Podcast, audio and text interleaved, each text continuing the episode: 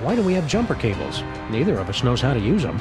It's simple, Sam. The red cable goes on the right nipple, and the black cable clamps to Neither the. of us knows how to use them legally, Max.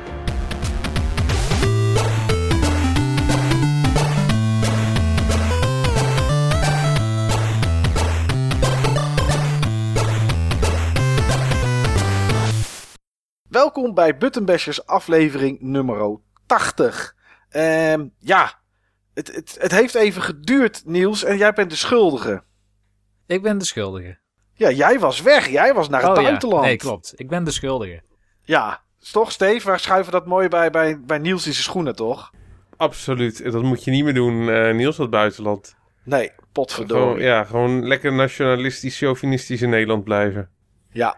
Ik weet niet of dat de Ze hebben daar is. gewoon niet eens hagelslag, man, in Azië. Nee, dat denk ik niet. Ik heb Toch, het niet Niels? bekeken. Ik heb niet gekeken dat ze hagelslag hadden. Nou ja, misschien dat je via heel Amazon... veel. Heel veel. Je kan via Amazon misschien wel bestellen. Want ik was laatst met een gast in Amerika aan het uh, ouwehoeren. En toen ging het over eh, ontbijt en gewoontes en dat soort dingen allemaal. Dan schrik ik altijd wat zij daar eten voor ontbijt. Zij gooien zeg maar gewoon suiker in een kom en eten dat op. Dat is ongeveer het eh, Amerikaanse ontbijt. Waarschijnlijk ook gewoon lunch en avondeten. Maar toen bleek dat ze daar wel eh, hagelslag konden bestellen bij, eh, bij Amazon. Dus de, daar kan het wel in ieder geval. Maar eh, ja, dat, ik denk ook niet dat je daar een snee brood eet in China, s ochtends toch, Niels? Het kan wel, maar dat doe ik niet. Ik heb vooral dumplings en noedels en zo gegeten s ochtends. Oké, oké. Ik hou wel van een beetje stevig ontbijten. Ja, nou ja, dat moet op die, manier, eh, op die manier wel lukken. Ja, nu we het er toch over hebben, goh, hoe kan dat ook? Eh, wat, wat heb je daar gedaan, Niels? Want het had iets met games te maken, toch ook? Ja, klopt. Het had met games te maken. Het was een handelsmissie van de provincie Utrecht. En eh, de provincie Utrecht en de provincie Guangdong hebben een nu 22 jaar durende handelsrelatie. Oké. Utrecht is ook een dochterprovincie van Guangdong. En Guangdong is eh, een van de provincies in, eh, in China die, ik geloof, 25% van de trade value van China representeren. Oké, maar dat gaat niet allemaal naar Utrecht, toch? Dat Eh, kunnen ze daar nee, nooit nee, op. Nee. nee, maar Nederland is wat dat betreft toch wel een hele goede partner, zakenpartner van China. Je hebt zeg maar de Pearl River Delta. Dat is in het zuiden van China en daar liggen elf steden aan. En dat was vroeger de fabriek van de wereld. Er werd alles gemaakt wat je maar wilde laten maken, daar konden ze het maken. Ja. Maar ze hebben nu gepivot naar eh, high-tech. En eh, Nederland is tweede van Europa als het gaat over handel met China. Na Oké. Duitsland. Zo, dat is best wel fors. Nee, dat is absoluut fors. Eh, maar ja, wat heeft het met games te maken, zul je misschien denken? Ja, wat, wat kom jij daar, wat kom jij daar eh, handelen, eh, Niels? Nou ja, kijk, het gaat over die hele provincie. Hè? Dus er komen veel meer bedrijven mee. Eh, het is een, een, een delegatie van verschillende bedrijven. Sommige in de culturele sector, sommige in de zorgsector, sommige in de techsector. Die van die relatie en dat bezoek van de provincie gebruik maken om nieuwe partners te bezoeken. En nieuwe Ja, handelsverdragen te maken. Ja. Ehm, gaming is wel een van de Nederlandse topsectoren. Eigenlijk de creatieve sector is een van de Nederlandse topsectoren. En Utrecht profileert zich ook als gamingstad. Er zit de Dutch Game Garden. Ja. Eh, HQ zit daar. Je hebt veel start-ups, veel bedrijvigheid. En eh, Utrecht is een van de, ik geloof zelfs de meest competitieve regio in Europa. Oké. Daar lopen ze dus ook mee te koop. Ja, heel graag waarschijnlijk. Ja, zeker, heel graag. Want het, wat is er nou fijner dan dat een paar grote Chinese partijen zich zouden vestigen in Utrecht? Ja. En ik ging mee vanuit dat gaming perspectief. Ik heb daar een aantal, eh, ik heb daar sowieso een universiteit bezocht, waar ze ook eh gameonderwijs verzorgen. Maar ik heb ook een aantal gamebedrijven bezocht, eh, vier uit mijn hoofd. Waarvan ik denk NetEase wel de bekendste is. Die ken ik. NetEase is een hele grote partij en eh dat was, was heel grappig om te zien, want ik had verwacht dat ze zo'n hele grote campus hadden met die duizenden werknemers die ze hebben. Maar schijnbaar hebben ze twee facilities, eentje in Hangzhou en eentje in Guangzhou.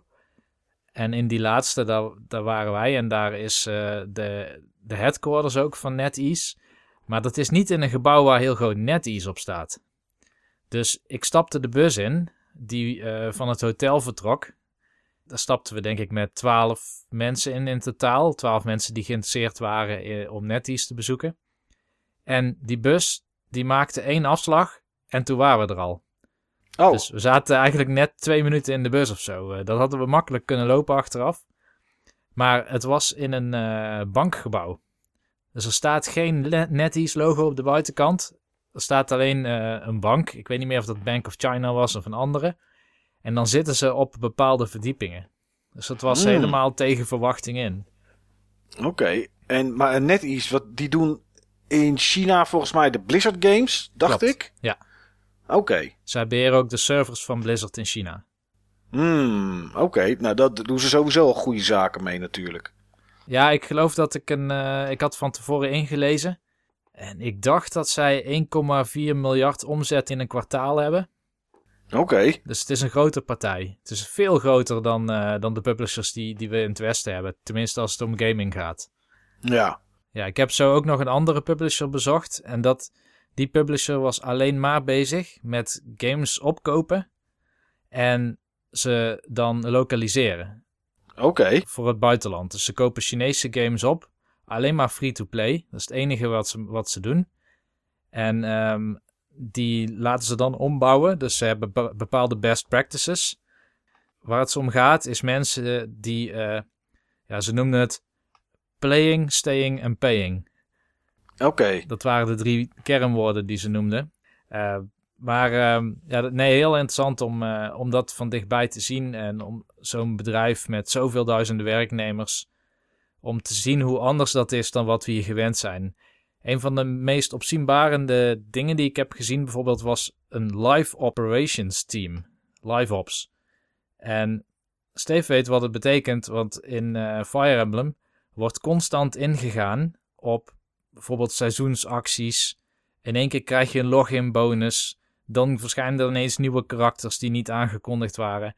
Maar er zaten dus teams van honderden werknemers de hele tijd Ja. naar statistieken te kijken. En daarop te anticiperen met updates, kleine updates. Hè? Niet een expansion of zo, zoals we ze kennen. Maar gewoon echt een login bonus, een nieuw karakter. Een, eh, een extra hoge multiplier als je nu eh, een paar games achter elkaar zou spelen. Dat soort Ja, elementen ja. om mensen weer terug te laten komen. Double XP weekends, dat soort dingen. Staying en paying.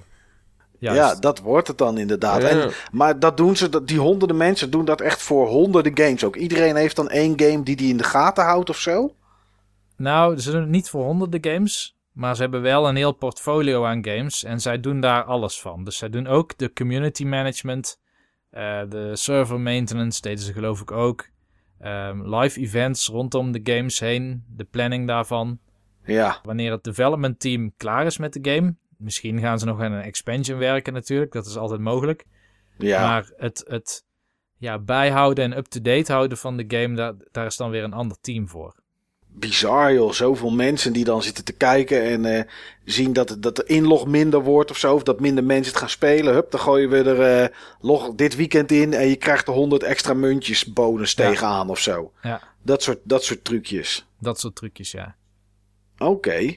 Nou, bizar. Maar wel leuk om een keer te zien. Want dat, ja, daar hebben we eigenlijk helemaal geen weet van. Weet je, als je een free-to-play gamepje opstart of een andere game eh, die free-to-play is of, of wat dan ook. Dat je dan zo'n heel team erachter hebt zitten die denkt... Hé, hey, hey, hey, daar is Mike weer. Oh, oh dan moeten we hem even, eh, moeten we hem even een We welcome pakken hem jongens, bonus- we pakken hem nu al. Pakken hem, ja. Ja, Ja. ja, Trek die zijn portemonnee. Ja. Ja. ja, let op, Gooi, let op. gooi eventjes een mooie deal met, eh, met die kaarten, met die gouden kaarten gewoon online. Eh, Ja, nou toevallig eh, kunnen we vanaf vandaag eh, Amazon Prime krijgen in, eh, in Nederland. En eh, dus dat heb ik ook net gedaan en gekoppeld aan Twitch. En dan krijg je voor, via Twitch Prime krijg je een pakje met gouden kaarten in Hearthstone. Dus ja, ik ben er wel gevoelig voor, jongens. Wat Ja. dat betreft. Kijk, hier goed- zie je. Het is uit het leven gegrepen, dit voorbeeld. Ja, ja, en ergens op het moment dat ik dan dus toch Amazon Prime neem voor eh 3,99 per maand of zo. En dat koppel aan mijn Twitch, zit er ergens in Amerika zit een ventje te juichen. En die denkt: hier, we hebben hem. Ja, target Zo gehaald. werkt dat. Ja, zo werkt dat. Oké. Nice. En je bent daar een week geweest, toch, Niels? Ja, ja, het was een hele drukke week. Het was echt elke dag van eh, s ochtends half zeven tot twee uur s'nachts, denk ik, zo'n beetje.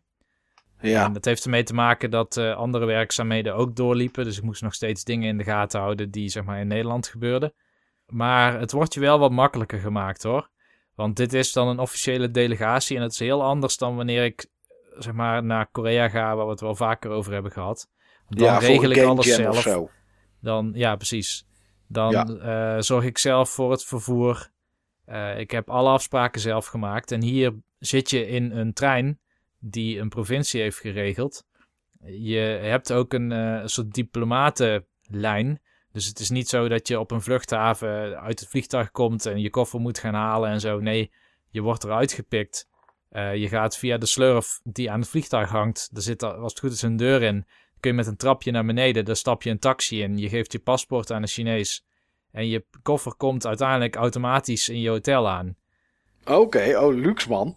Ja. Dus dat is Ja. echt een hele andere manier van, eh, van zo'n land bezoeken. Dus het voelt ook niet alsof je in China bent geweest. Het lijkt alsof je eh, misschien in Rotterdam eh, heel erg intensief hebt moeten werken. Ja. Maar op het, eten wel- na dan, denk ik. Ja, zeker op het eten na. En de hotels waren, waren echt wel zo comfortabel dat het makkelijk te trekken is, zo'n intensieve week. Ja, precies. Oké, nou leuk man. Wanneer is dat de volgende trip gepland? Ik denk februari. Februari. Ah, oké, oké. Nou, dan hebben we nog wel even tijd om, eh, om het op te nemen. Heb je nog wat gespeeld in het vliegtuig? Ja, zeker. In het vliegtuig heb ik wat gespeeld, ja. Oké, nou, dan gaan we eerst even een deuntje doen en dan kunnen we het daarna hebben in de Game Talk.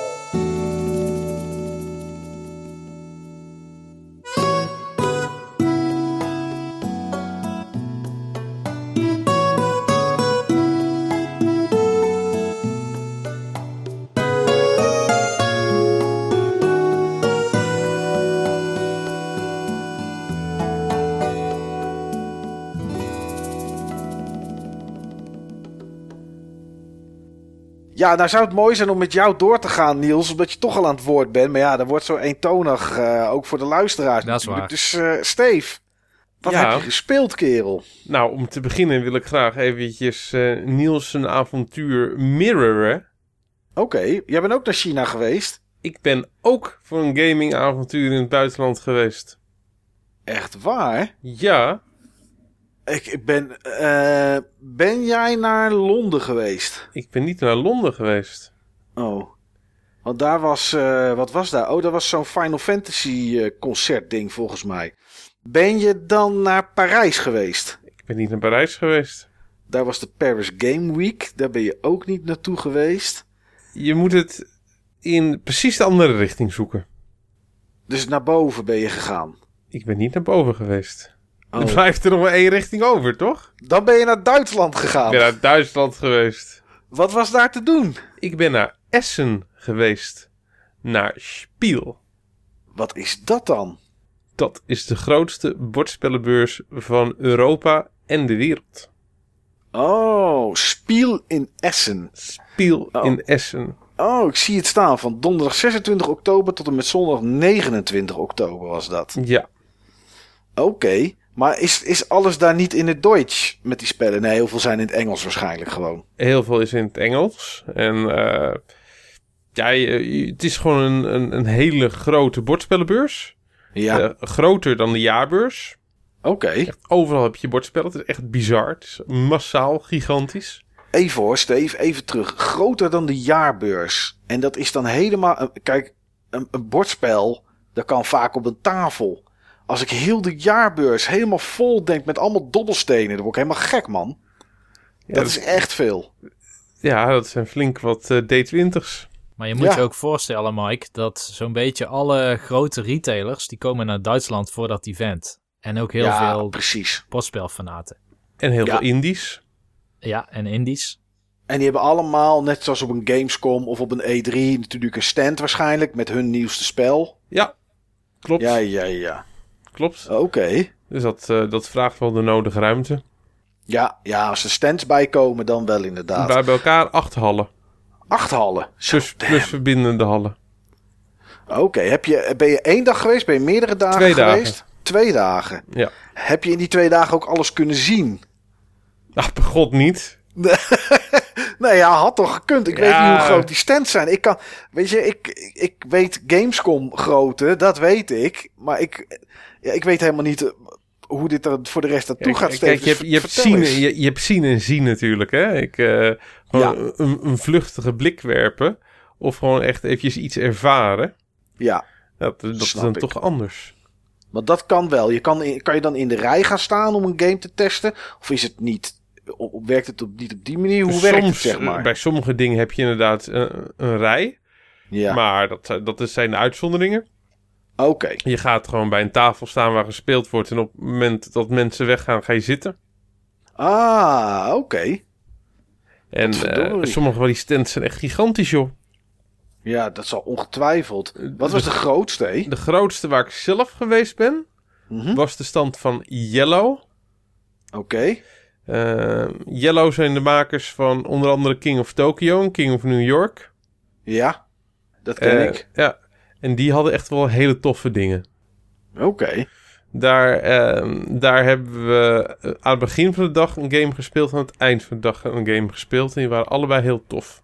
Kan je ze ook gelijk daar kopen, Steve? Of is het net, net, net zoals een Gamescom en een E3? Van je ziet het nu en over een paar maanden is het er. Ehm, bij veel stands kun je ook gewoon dingen kopen.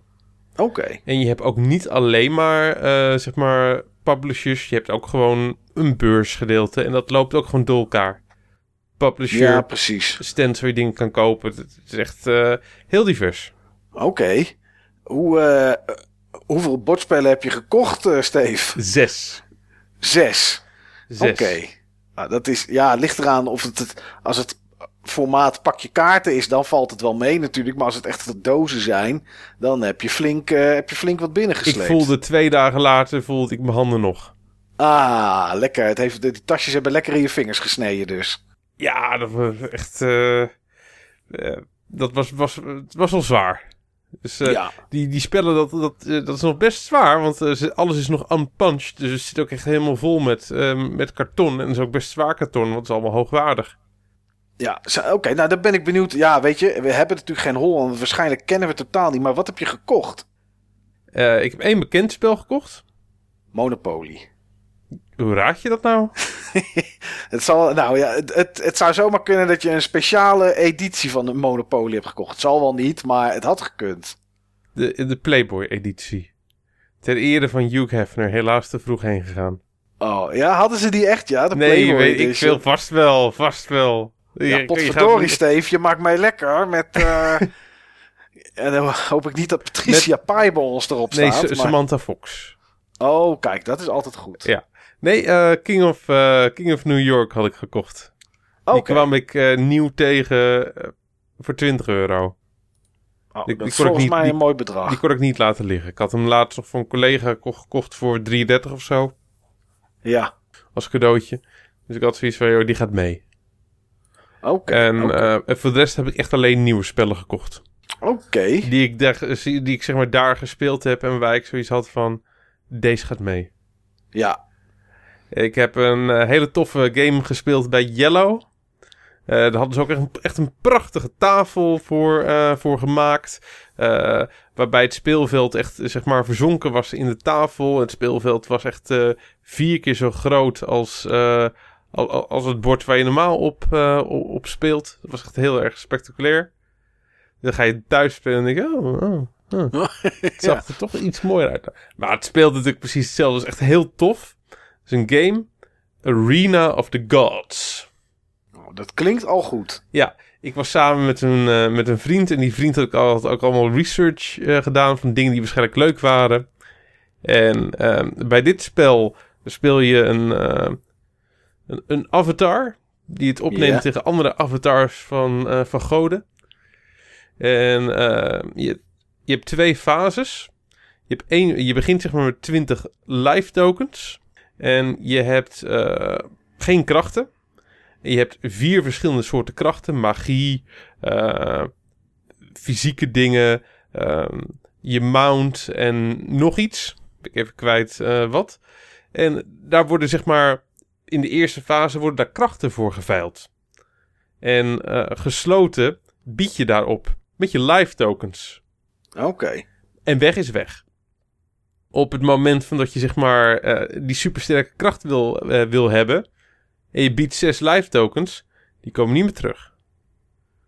Dus eh, je, je kan dus zeg maar ervoor gaan om, om zeg maar echt de sterkst mogelijke krachten bij elkaar te verzamelen. Liefst ook gewoon de dingen die ook nog synergie hebben. Ja. Of, of je biedt gewoon nul life tokens en mag je als laatste kiezen. Maar dan begin je wel, zeg maar, op het moment dat de tweede fase begint en die avatars gaan echt tegen elkaar vechten, begin je wel met meer life tokens. Ah, oké. Ja. Dus dat is, eh, daar zit een strategisch element in. En eh, het, het, het was gewoon tof. Het was een soort van gladiatorengevecht. eh met World of Warcraft-achtige powers in een, eh, in een arena. En het was leuk. Oké. Klinkt wel tof. Wel Ja. als iets anders. Ja, zeker. En eh, dat draften, dat vond ik echt heel erg eh, cool. Dat was een game die ik zeker een keer met jullie wil spelen. Arena of the Gods. Nou, dat Arena Klinkt, of the Gods. eh, ja, dat klinkt echt goed. Ergens ook nog een foto van gepost, Steve, met eh, iets met Himalaya en co-op. Dat sprak me wel heel erg Ah, aan. daar kom ik zo meteen op, Niels. Oh, Oké. Gra- gras voor mijn voeten, jongen. Gras voor mijn voeten. Ik kan het wegknippen, hè? Nee, eh, nee, je mag het erin houden. Ehm, dat was in ieder geval een grote game die ik gespeeld had. Een game die ook echt wel uit was.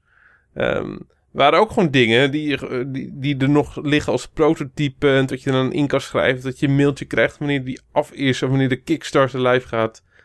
En ehm, een, een spel wat we gespeeld hadden, dat heette Knossos.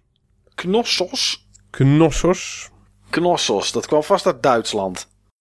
Eh, dat is het. ehm, dat is het. eh, of Nossos. Dat is zeg maar. Het labyrint van de Minotaurus.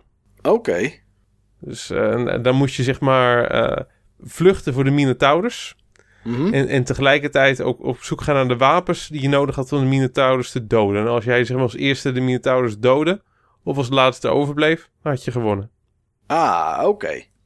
Dat klinkt als een soort Pac-Man-achtig iets. Wegrennen en zodra je een wapen hebt, terugslaan. Ja. Dus dat. eh, het, het, het was wel leuk, maar we zagen onszelf niet spelen. Nee, oké. Dus eh, die, eh, die komt er niet. Overigens heb ik niet gevochten tegen een Minotaurus, maar tegen een kat. Oh. Dat, eh, de Minotaurus was zo niet gemaakt. oh, die wa- oh, die was nog niet ge-3D-print. Die was zo niet Oké. ge-3D-print. Dat, jeetje, dan heb je eerst Arena of the Gods. En dan komt daarna kom je met iets met Minotaurus, maar die zijn er niet en dat is dan kat een van kat geworden. Knossos. Ja. Ja. de kat van Knos. Even wachten hoor. Sorry, ik- ga hem, ik ga hem even sturen. Hé. Even wachten. Ik zet hem even in de WhatsApp. En, eh, ja. en ik, ik vroeg aan die kerel van ja, ehm, what will the Minotaur look like? Do you have pictures? En hij bleef maar zoeken en hij bleef maar zoeken en we stonden echt minuten te wachten. Ik zei, oh, but it- it's really not necessary. Uh, otherwise we'll just see it on the internet. No, no, no, I have them. Just wait a minute, wait a minute. Dat is toch En- ook slecht, hè? Dan kom je daar je game, kom je verkopen aan de wereld. En dan kan je, niet, kan je niet eens laten zien hoe die eruit ziet. Ik heb hier de kat.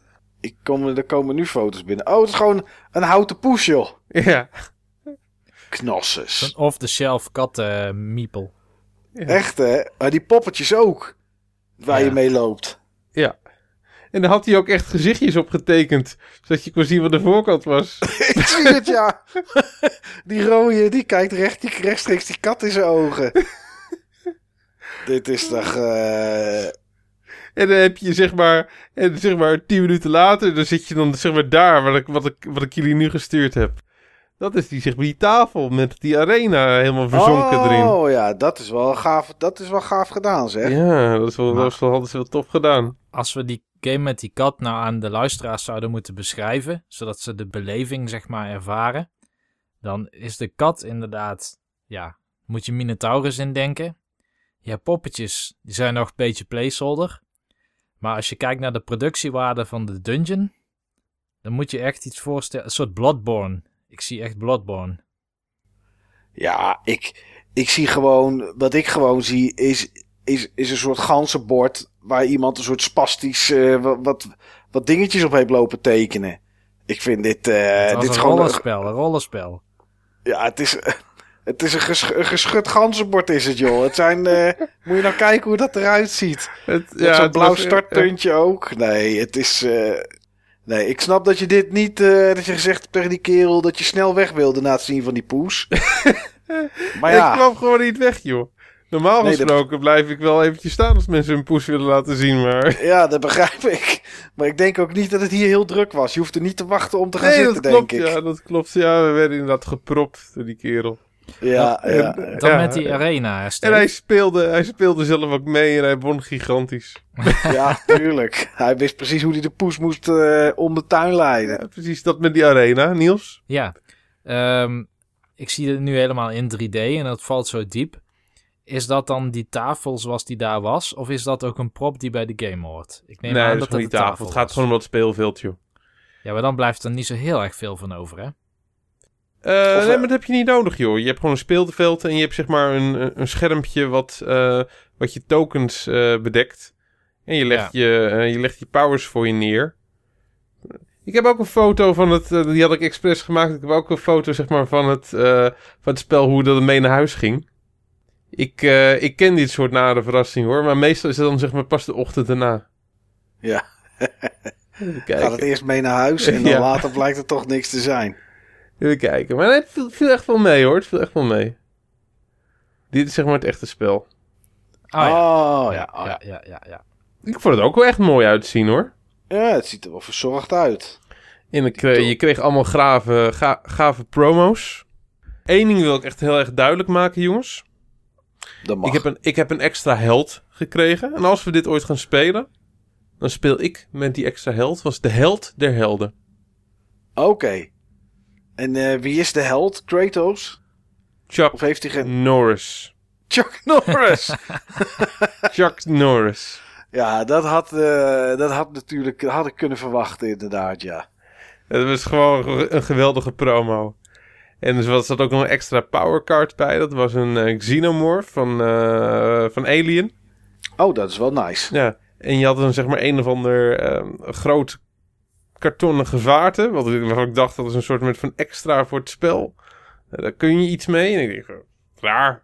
Ik, het heeft helemaal geen functie. Wat is het dan? Het bleek een dice tower te zijn.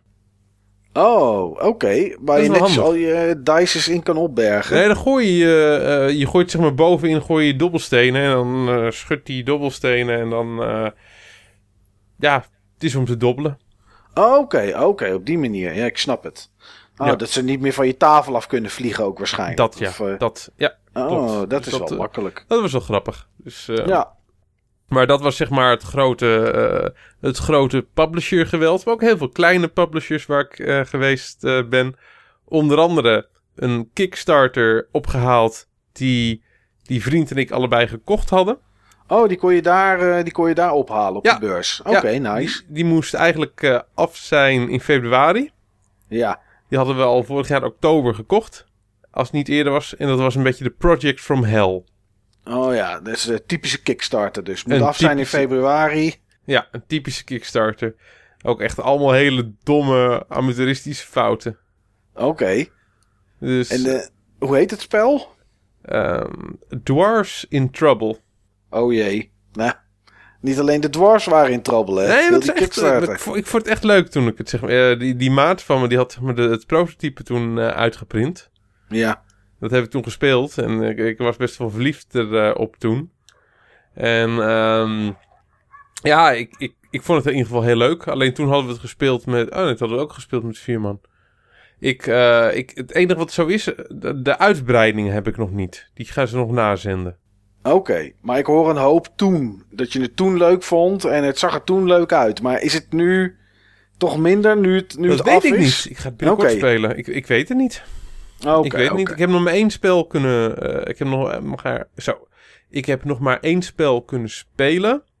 Mhm. eh, wat ik ook meegenomen heb. Wat ik ook na de beurs heb kunnen spelen. Dat was toevallig ook precies het spel waar ik het nu over wou hebben.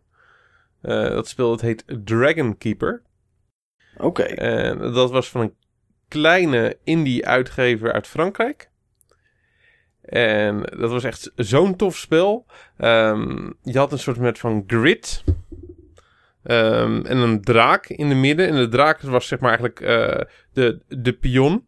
Ehm, ik heb volgens mij met jullie allebei wel eens Rozenkoning gespeeld. Ja. Dan heb je die kroon, zeg maar, die je dan zeg maar ver- verzet. Wat eigenlijk de marker is van waar je bent op de grid. Dat is in dit geval de draak. Je hebt een grid volgens, m- ik, volgens mij van 6 bij 6 of van 7 bij 7. En dat zijn bepaalde, eh, dat zijn tegels met een bepaalde puntwaarde in verschillende kleuren. En je maakt altijd twee moves, een horizontale move en een verticale move. En de horizontale move is een tegel die je pakt voor jezelf. En de verticale move is een tegel die je pakt voor je tegenstander. En ehm, je moet proberen om zeg maar zoveel mogelijk punten bij elkaar eh, te sprokkelen eh, van, eh, van elke kleur. Maar de, je hebt ook één stapel, één kleur, dat, dat worden minpunten. En je weet van jezelf welke kleur bij jou de minpunten worden. En je tegenstander weet dat niet. En die moet dat, precies, moet dat zien te achterhalen, eigenlijk op basis van je keuzes. En die moet dat bij je zien te dumpen. Ah, oké. En zo, er zitten allemaal leuke dingetjes in. En, ehm, en behalve dat je een grid... Je hebt geen grid van 7 bij 7. Je hebt drie grids van 7 bij 7. Het is echt een dungeon. En op een Ja. gegeven moment... eh, die, die doos... Die is zo opgebouwd van dat die zeg maar... eh, drie lagen heeft. En je haalt op een gegeven moment haal je die, zeg maar, die laag ervan af. Dan verreken je de eerste fase. En vervolgens eh, liggen daar weer 7, 7 tegels onder in de laag daaronder. En dan ga je zo door naar de bodem. Dat hebben ze echt zo grappig gedaan. Zo simpel, zo functioneel. Ik vond het echt heel, heel erg tof. Oké, en was dit ook van een kleine indie-achtige Ja, dat was een kleine indie-uitgever. Ehm, ehm, een of andere kerel die het had, eh, had uitgegeven. En, eh, en zijn dochter, hele leuke meid, die had het vertaald. Die heeft het ook staan, ontstaan uitleggen. Ze hadden nog meer spellen, het zag er ook allemaal echt goed uit. Maar je kan niet alles meenemen. Nee. Nee, dat was echt, eh, was echt leuk. Oké, nice man. Ja, en ik heb, eh, hij, eh, we hebben hem twee keer gespeeld. Eén keer samen. En dan was hij echt heel leuk. En ook nog met twee andere mensen die precies aankwamen. en Aan wie we het zeg maar, een beetje aan uit zouden te leggen. Zodat zij dan het van ons dan over konden nemen. Maar we hadden zoiets van, joh, waarom gaan we het niet eventjes met z'n vieren spelen? Dat was ook echt, het was ook echt een leuk stel. Het was een stel. Alleen die hadden matching t-shirts. Ah, ANWB-stelletje. Dat was, ja, dat was een beetje erg. Maar dan eh, zeg maar hippe nerdy t-shirts. oh, dat en, wel. Ja, en, en, en het was zeg maar precies tegenovergestelde. Oké, Ja, het was echt, ja, dat je denkt van ja, ja, beetje jammer. beetje jammer. Maar het was echt een leuk, echt een leuk stel. Dus maar eh, ja, niemand is perfect en mij, zelfs wij niet. Nee, tuurlijk niet, tuurlijk niet, Steve. Dat is... heb Jij komt, wel dicht, jij komt wel heel dichtbij hoor, maar... eh, Jawel, tuurlijk. Maar ja, ik, moet ook, ik moet ook foutjes hebben. Hè? Ja, ja, klopt. Ja. Heb je hoop Dat zijn, dat, zijn de, gegeten daar? dat zijn de imperfecties die iemand perfect maken. Oh, is dat het? In ieder geval perfect voor mij, Mike. Perfect voor mij. Ah, wat lief. Me Heb je ook braadworst gegeten, hè, daar? Dat vind ik echt wel een me-too eh, eh, opmerking, Mike. Dat vind ik eigenlijk Wat, niet van kunnen. braadworsten? Ja, dat je zomaar over braadworsten gaat praten, vind ik echt niet kunnen. Ja, maar als ik in Duitsland ben, intimidatie, eh, Mike. eet ik dat toch altijd eventjes. Ik, ik heb geen braadworst op. Oké. Oh, echt. Oh, jongens. Jongens. Ik, had- ik had het verdrongen, maar Mike haalt het nu weer omhoog. Ik heb echt gewoon in het meest trieste restaurant gegeten wat, eh, wat Essen rijk is. Het was niet Essen, want we verbleven niet in Essen. We verbleven bij, zeg maar, een of andere... ehm, een of andere hostel, zeg maar, vlak buiten eh, Essen. Ja. Eh, eh, en die maat van me, het, was, het was zeg maar een of andere boerderij. En, ik weet niet meer precies. eh, Die, die vrouw die stond overal op het boek als, eh, als, het- als de schapenvrouw. Maar er waren nergens schapen. Zei ja, de schapen die zijn vorig jaar geslacht. Die liggen nu in de kelder op ijs. Oké. De schapenvrouw. Ja, de schapenvrouw. Dus en eh, alle klokken in dat huis stonden ook gewoon stil. Oh, Alle, alle klokken stonden stil. En ik zei de hele tijd: Dave, dat komt omdat de tijd hier stilstaat. We zitten namelijk in een tijdbel, Dave. Ja. Het was echt allemaal zo, zo outdated. Het, het was echt. eh, die maat van had alles zeg maar geregeld. ja. Het was echt zo het tegenovergestelde van wat, van wat ik eh, eh, zeg maar normaal gesproken zou kiezen. Soms is dat wel leuk, Steve. Even keer uit je ja, comfortzone. ja, ik heb echt wel gelachen, behalve, eh, behalve om het bed.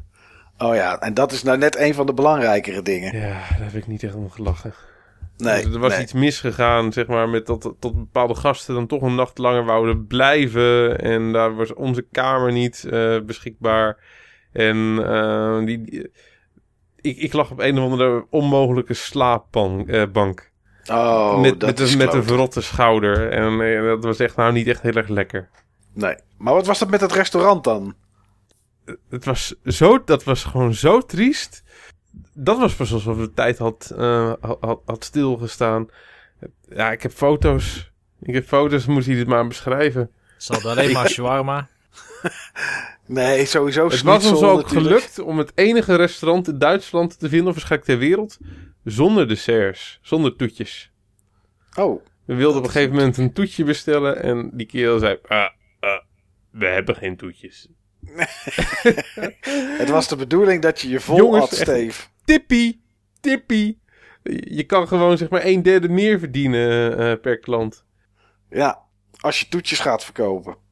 Ja, eh, eh, laat ik zo zeggen. al- als je zeg maar de woonkamer van je, van je grootmoeders moeder voorstelt. Ja, En dat doe je dan eventjes gewoon keer, keer zes. ja. En ook nog eens een keer alles gewoon zijn eigen sfeertje, alles zijn eigen ding. Totaal, totaal disjointed. Ja, dat was gewoon dat restaurant. Waren jullie de enige gast in het restaurant? hè? Om en nabij. Ja, ja, ja. Dat zat er En, maar onze, ja, ik had het van tevoren gewoon kunnen weten. Onze, onze gastvrouw, die had zeg maar dit ook aanbevolen. en dan had ze de verjaardag gevierd, zei ze. Het, was Oké. het, beste, het was echt het beste restaurant van de regio.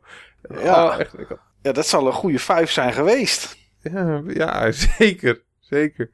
Ik, ik kreeg ook op een gegeven moment, kreeg ik zeg maar, eh, je, je kreeg de bijgerechten, kreeg je op een gegeven moment ook echt iets van, eh, van vijf minuten of tien minuten voor de rest. Oh, dat is Dus wel lekker. Als je patat of wat dan ook is al koud als, je, als, je, als de rest van je eten komt. Ja. Maar, Oh. eh, ja, het waren vooral ook salades en zo. En we dachten van, joh, eh, maar dit is het toch niet? Dit Nee, is ja. niet wat we besteld hebben? Want ja, je weet het niet. Het is wel allemaal in Duits. Ja, precies. Straks heb je het verkeerde besteld inderdaad. Oh, oh, oh. Nou ja. Volgend jaar weer? Ja, mooie dingen, eh, mooie dingen gezien, mooie dingen meegemaakt. De kans is groot dat ik volgend jaar eh, ga. Ik wilde er toch een paar dingen over zeggen. Je- Dat was een afrond eh, voorzet, eh Mike, maar je hebt me nog niet, want ik heb nog een belofte openstaan richting eh, Niels. Oh, En I don't take my promises lightly. nou dan nooit. moet dat. Doe Nee. ik nooit. Zo rol ik niet. Maar ehm, nee, ik, ik moet zeggen, eh, ik, ik had Niels er ook vrij kort over gesproken. En Niels had ook aan mij gevraagd van, moet ik gaan? Ja. En ik heb, tegen, eh, ik heb ook tegen Niels gezegd van, ja, eh, jou zou ik het aanbevelen. Mhm. Joey zou ik het niet aanbevelen. Eh, Martijn zou ik het niet aanbevelen. Mensen echt wel een bordspelletje kunnen waarderen. Ehm, ik vond het echt wel leuk. Ik vond het echt wel tof en ik heb ervan genoten. Maar dit is niet wat ik zoek met bordspellen. Ik zoek met bordspellen zoek ik een stuk rust, een stuk connectie.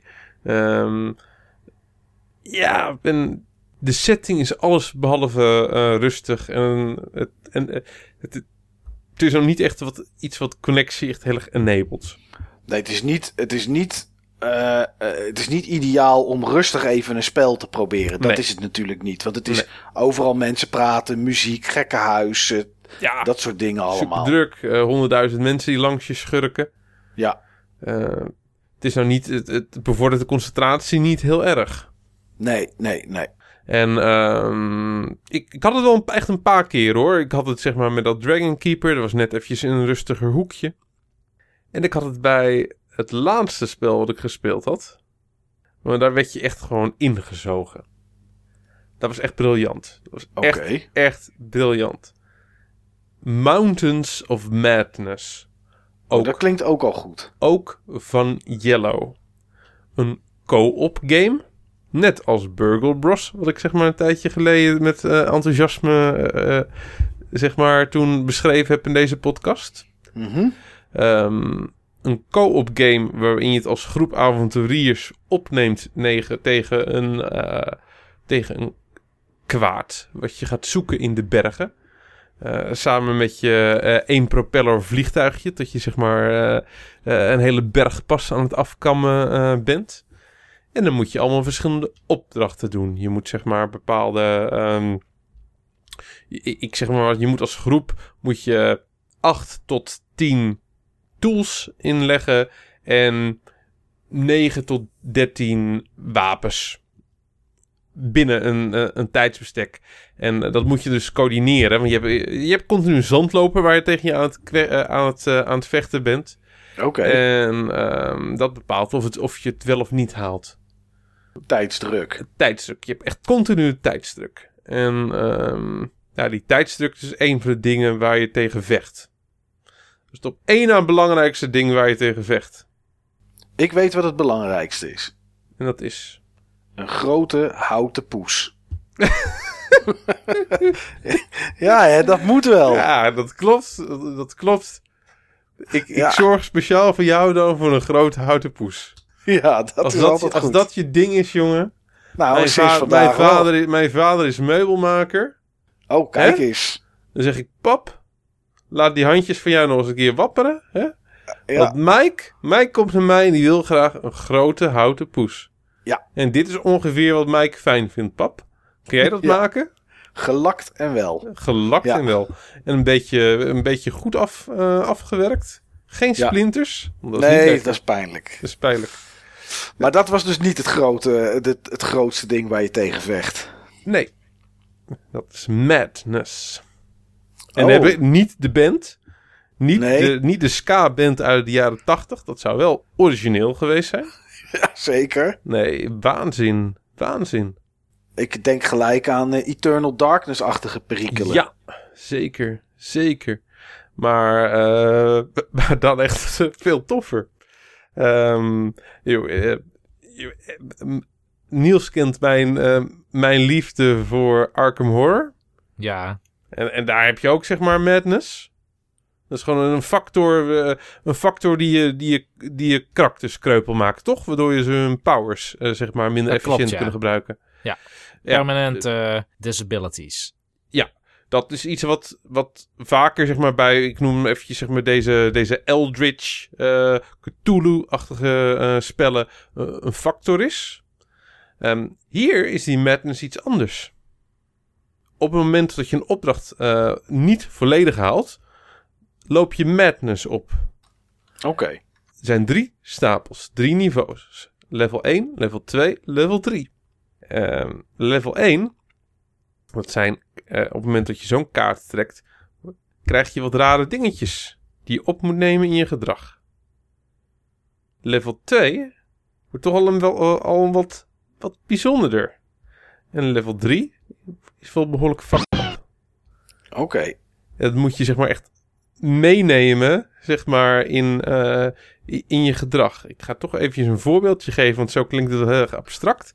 Ja, ik, ik, ik, heb, ik, denk nu van je moet dan een soort madness roleplayen of zo. Of, eh, Ja. Je moet het roleplayen. En, Oh, echt eh, waar, ja. Ehm, mijn madness kaart op niveau 1, die ik op een gegeven moment aan mijn broek had hangen, was toen ik geen stiltes meer mocht laten vallen. Mijn op hemel. Op het moment dat er stiltes waren, moest ik heel erg hard zuchten. Oké. En dat moet je, dan, moet je dan blijven doen. Beetje excentriek, wat irritantig. Ja. En, maar weten anderen dat jij dat moet doen? Eh, op een gegeven moment kunnen ze het doorkrijgen. Ja, precies. Oké. Maar het is niet, eh eh, eh, Nee. heet het? Het is niet dat je dat aan iedereen voorleest. Van, oh jongens, nee, ik moet nee, nee, juist niet. Juist niet. Nee, dat hou je, dat hou je ver- verborgen. En eh, daar moet een groep dus echt maar op zien te anticiperen. Mijn Madness niveau 2 kaart, die ik op een gegeven moment trok, die was al een heel stuk bijzonderder. Ik ging in hyperfocus mode op de persoon rechts van mij.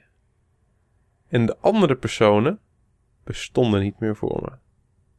En moet je dan ook nog blijven zuchten erbij? Nee. Oké, gelukkig. Want Anders wordt het wel heel moeilijk. Behalve in de expert mode. In de expert eh, mode stekken je effecten. Oh, leuk man. Ja, Ja, dit is wel gaaf. Ja. Dit klinkt echt super gaaf. ja. Maar ik heb het ook echt gewoon... eh, Ik ben ook echt all the way gegaan hoor. Ik ben echt all in gegaan. Dave. Dave. Ik ben zo blij. Dankzij jou niet alleen ben op deze berg. Dat wij samen zijn, Dave.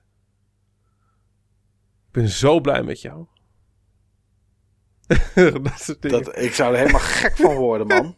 een, ke- een andere kerel, zeg maar bij ons in de groep. Gelukkig speelde dit met Nederlanders. Je, je moest zeg maar, je moest continu dingen inleggen. Zeg maar, eh, eh, joh, eh, net zoals, eh, net zoals Dead of Winter moest je ook gewoon dingen inleggen. Alleen je moet dus continu doen onder tijdsdruk. En in zijn madness effect was op het moment dat mensen zijn richting inkeken, versteende die. Dat is lastig inleggen. Ja. Vooral als er iemand dan gefocust op jou zit. Ja. Op een gegeven moment kreeg ik Madness niveau 3. En ik had echt zoiets, oh gelukkig. Het kan alleen maar beter worden dan hetgeen wat ik nu heb. Nee. Nee. Nee, nee, nee. Nee. Dit is madness. Ja. Ah. Ja. ja. Oké, Steve. Ah, dat is moeilijk hinderlijk, man. Iemand die de Nee. hele tijd zo moet doen. Ja. Hoe, dat hou je toch niet vol? Ik ben echt gewoon full in Ash Evil Dead gegaan. Oké. Ja, het was echt, eh, het was echt bijzonder tof. Bijzonder Maar- tof. Ik zou moe ik- zijn ik na zo'n super potje, gelachen. man. Super gelachen. Dus het was echt zo tof. Ik heb echt zo genoten. Het was echt, was echt zo leuk. Dus ehm, nee, het was echt eh, tof.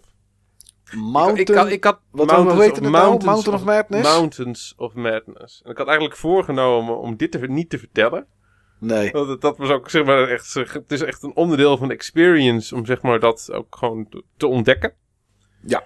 Maar eh, joh, kijk, je, je hebt allerlei, allerlei verschillende soorten ehm, eh, ja, madness effecten. Die stapels zijn best groot. En eh, op het moment dat, dat, Niel, dat ik Niels opeens ga negeren, dan heeft Niels dan opeens een wat beter idee van wat er waarschijnlijk met mij aan de hand is. Ja. Maar ver- ver- ver- ver- eh, als je zo'n madness hebt, verlastigt dat dan ook het behalen van de opdracht? Want met dat lachen bijvoorbeeld, ik kan begrijpen dat het stront irritant is, maar dat zou niet... Ik mocht alleen ja en nee zeggen. Dat was, dat was zeg maar de opdracht. Ik mocht alleen ja en nee zeggen. En ik heb het ook ge- met wat extra madness ingevuld. Ah, oké, oké. Maar, Maar eh, ja, het is allemaal oplosbaar. Kijk, eh, weet je wat het is? Het is oplosbaar. Ik was gewoon echt heel... Ik was echt gewoon super duidelijk. Ik was gewoon super duidelijk. Alleen, eh, joh, het was gewoon... Die groep wist echt wel van tot... tot ik alleen zeg maar met de persoon naast mij kon communiceren. Dat de rest gewoon voor mij niet bestond. Ja. Alleen je, door die continuïteitsdruk en dat je zelf ook een beetje koek koek koek koek eh, eh, bent. Ja, dat is toch een stuk, een stuk lastiger om zeg maar dan... eh, Dave, Dave, kun jij een Steve vragen wat hij heeft? Steve, wat heb je eigenlijk? Dus het is allemaal oplosbaar. En Ja. doe gewoon... Steve, heb jij tools? Nee! Ja. Heb, heb jij wapens? Ja! dus, eh, Maar op het moment dat je zeg maar die tijdsdruk... Nee, het is echt, eh, het is echt, het is echt heel tricky. Oké, bizar. Wie heeft dit- ik, vond, ik vond het zo tof. Dat is echt Ja. een beleving. Dat was echt geweldig. Ja, iemand heeft dat toch thuis op zijn zolderkamertje bedacht, eh, Ja. dit soort grappen. Ja. Dus nee, dat was voor mij echt de hit van de beurs. En dat Dragon Keeper, dat vond ik ook superleuk. Ja, en Knossos natuurlijk, hè. Knossels met de houten poes. Ja. de houten poes. Dus eh, nee, ik zou zeker nog een keer gaan. Oké, nou, mooie ervaring, eh, kerel. Eh, ja, ik durf bijna niet te vragen of je nog wat anders hebt gespeeld waar je het over wil hebben. Ja, maar, maar kort. Oké, ik, heb, nou, ik heb high hopes. Ik, wil, het kort, ik, ik wil het kort eventjes hebben over, over Destiny. ja. Ehm, ik heb toch weer een mooie aanvulling op mijn, op mijn Destiny-verhalen van de laatste twee eh, podcasts. Eh, wat ik de vorige keer nog niet kon vertellen waren mijn ervaringen met de Raid. Mhm. Die had ik volgens mij niet of nauwelijks gespeeld toen. Nee, volgens mij was je aan het voorbereiden of zo of iets. Ik weet niet. Eh, Het was dat, nog dat niet. zei Niels ook al. Ik moest Niels net eventjes om een reminder vragen. Hey Niels, wat, wat heb ik toen gezegd over de Raid? Nou, inmiddels heb ik de nodige Raid-ervaring. Oké. Ehm, ik heb elke encounter in de raid meerdere keren gehaald. Behalve de laatste. Mijn groep heeft hem inmiddels wel gehaald. Maar Ja. ik, wa- ik was daar helaas niet bij. Ik, eh, ik heb hem wel echt bijna gehaald. De eindbaas had nog maar echt een snippertje helft over. Maar het kwartje viel net eh, ongunstig. Hmm, Oké. Is het een toffe raid? Ja, hij is tof. Hij is tof. Het is een gigantisch ruimteschip. Ja. En ehm, je hebt daarin eigenlijk vier encounters en verbindende stukken. Eh, de- die encounters vind ik echt heel tof. Ehm, maar het allerleukste vind ik misschien nog wel die verbindende stukken. Oké. Eh, hoe, ze die, hoe, hoe ze dat ruimteschip gemaakt hebben. eh, het is echt gewoon super gaaf. Eh, je hebt overal shortcuts, ook van de ene encounter naar de andere encounter. En je moet daar weer bepaalde dingen voor doen. Moet je ergens weer schakelaars omhalen in een bepaalde volgorde. En dan gaat er ergens weer een klein verborgen paadje over. En dan loop je weer door, door een soort met van riool waarbij je uitkomt in een grote ventilatorruimte. En dan moet je daar weer iets vinden. En dan ben je opeens bij de volgende encounter. In plaats van dat je zeg maar de main branch pakt. Je kan ook, je kan zeg maar altijd via van de encounters naar de encounters via een soort met van centrale, eh, centraal plein noem ik het eventjes, waar je dan een groot gevecht weer hebt. Mhm. Maar ja, theoretisch is het gewoon sneller om zo'n shortcut te nemen. Op het moment van dat je weet hoe de shortcut werkt. En op het moment van dat je dan zeg maar eh, in het doolhof, eh, wat de underbellies heet. zeg maar eventjes de, de gewelven van het, van het grote ruimteschip. Ja. Ja, dat is echt. eh, dat hebben ze echt mooi gemaakt. Hebben ze echt mooi eh, gemaakt. En die encounters vind ik ook echt heel tof. Ik zal eventjes een paar schetsen. Ehm, je hebt een encounter die heet het, bad, het badhuis. Ja. Ehm, Oké. Dan heb je een, grote. Dan heb je een soort met van centrale sauna-achtige hal. Ehm, met lampen. Nee, met, met kettingen. En die kettingen die zijn, die, die hangen in het water. En aan die kettingen, dat kan je nog niet zien, maar aan die kettingen hangen lampen. Negen lampen. En die lampen moeten omhoog, zodat Ja. je die lampen kapot kan schieten. Oké. Lampen moeten alle negen kapot. En als alle negen lampen kapot zijn, encounter gewonnen. Nice job. Ehm, om die ketting omhoog te krijgen, moet je op vier platen gaan staan. Ehm, die vier platen, die, eh, zodra je erop staat en je staat er alle vier op, gaan die kettingen omhoog. Op het moment dat er iemand van een plaat af is, gaan die kettingen omlaag. Ah, oké. Eh, die platen eh, liggen in badwater. En dat badwater is giftig. Je krijgt een bepaalde buff. Dat je zeg maar 50 times, ik noem hem eventjes 50 seconden. Dat je 50 seconden in dat water eh, eh, kan staan. Daarna ga je vrij rapidement dood. Oké. Ehm, er zijn vier platen. Je speelt het met zes man. Eh, dat betekent dat er twee personen over zijn. Die twee personen die moeten de middelste ruimte eigenlijk verdedigen en op andere plekken bijspringen. En een buff pakken in die middelste ruimte, waardoor ze zeg maar dan weer zeg maar dat zij dan dat water inkomen. En dan kunnen ze je als het ware aflossen. Dus op een gegeven moment kan jij zeg maar niet meer in het water blijven. Word je afgelost. Ga je naar de midden toe. Kill je er even weer vijanden. Ga je zeg maar naar, ehm, naar de volgende toe om het af te lossen. Het is een soort van estafette. Oké.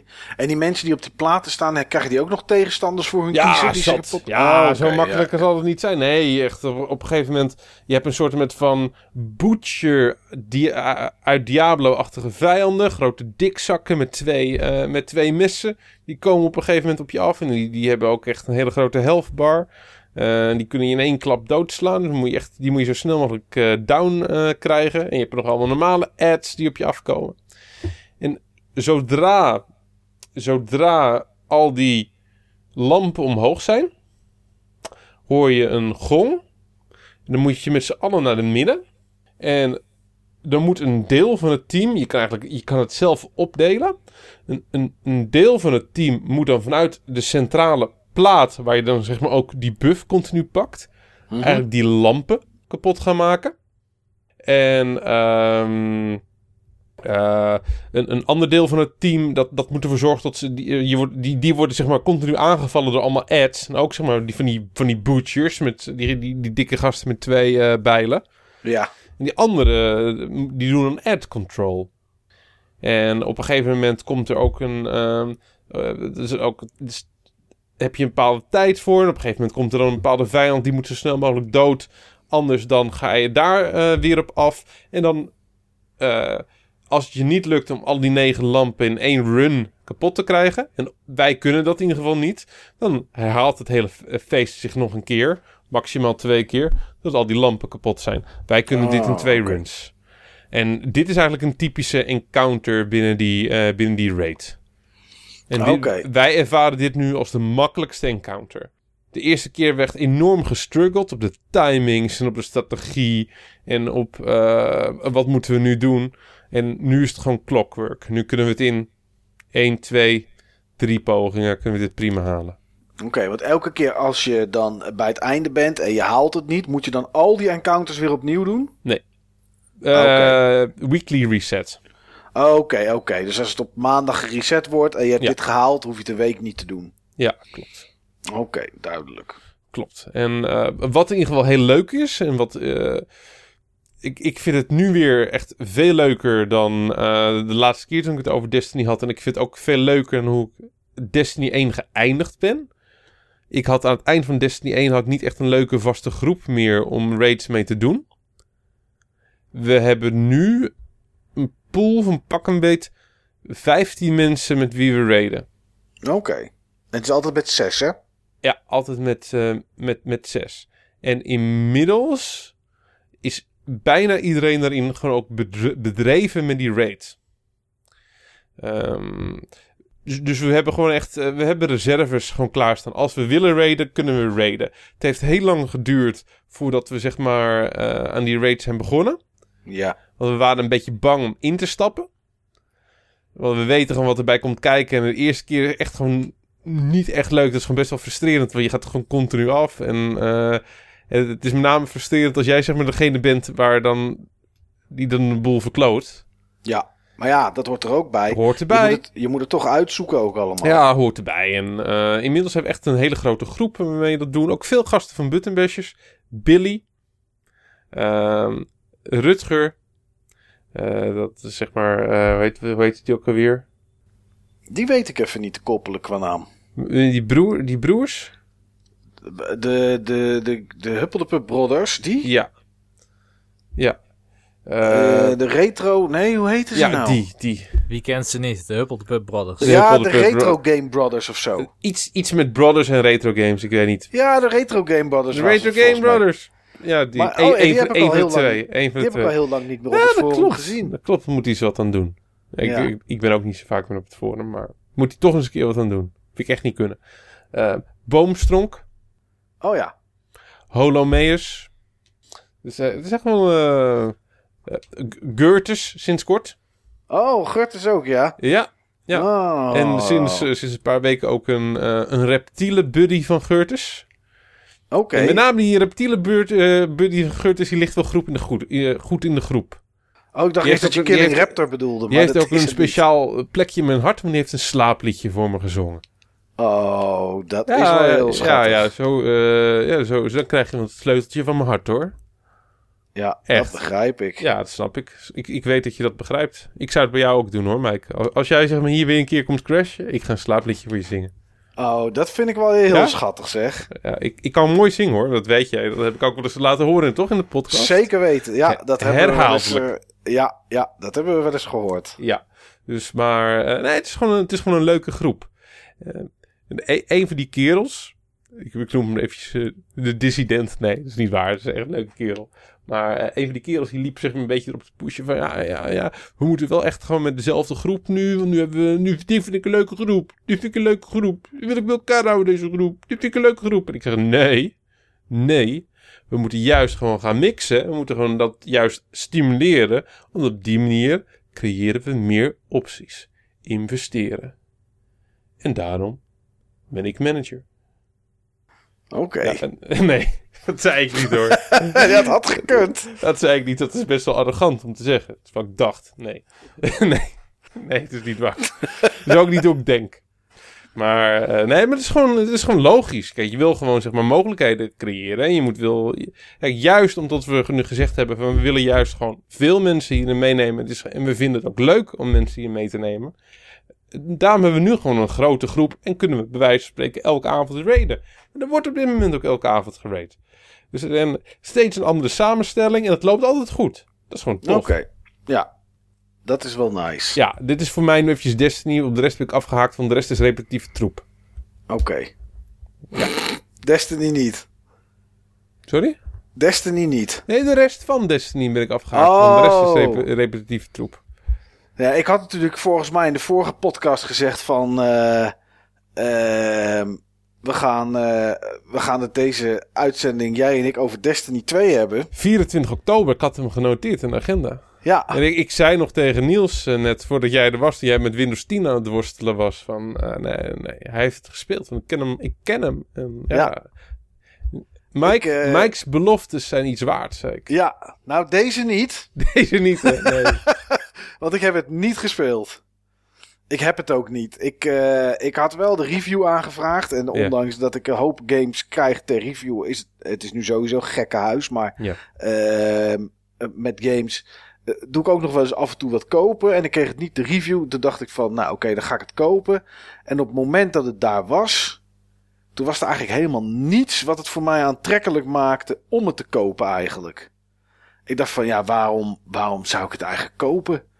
Ik, eh, wat, wat voor mij vooral een beetje afbreuk eh, doet aan de game. En ik heb de, de beta wel gespeeld en dat vond Ja. ik wel tof. Ja. Maar als ik het bekijk, zeg maar, als ik wat langere stukken gameplay bekijk, dan zie ik mensen bijvoorbeeld ergens bij een soort van ja, binnenplaatsachtig iets staan of zo. Of ergens een pleintje waar dan heel veel tegenstanders komen.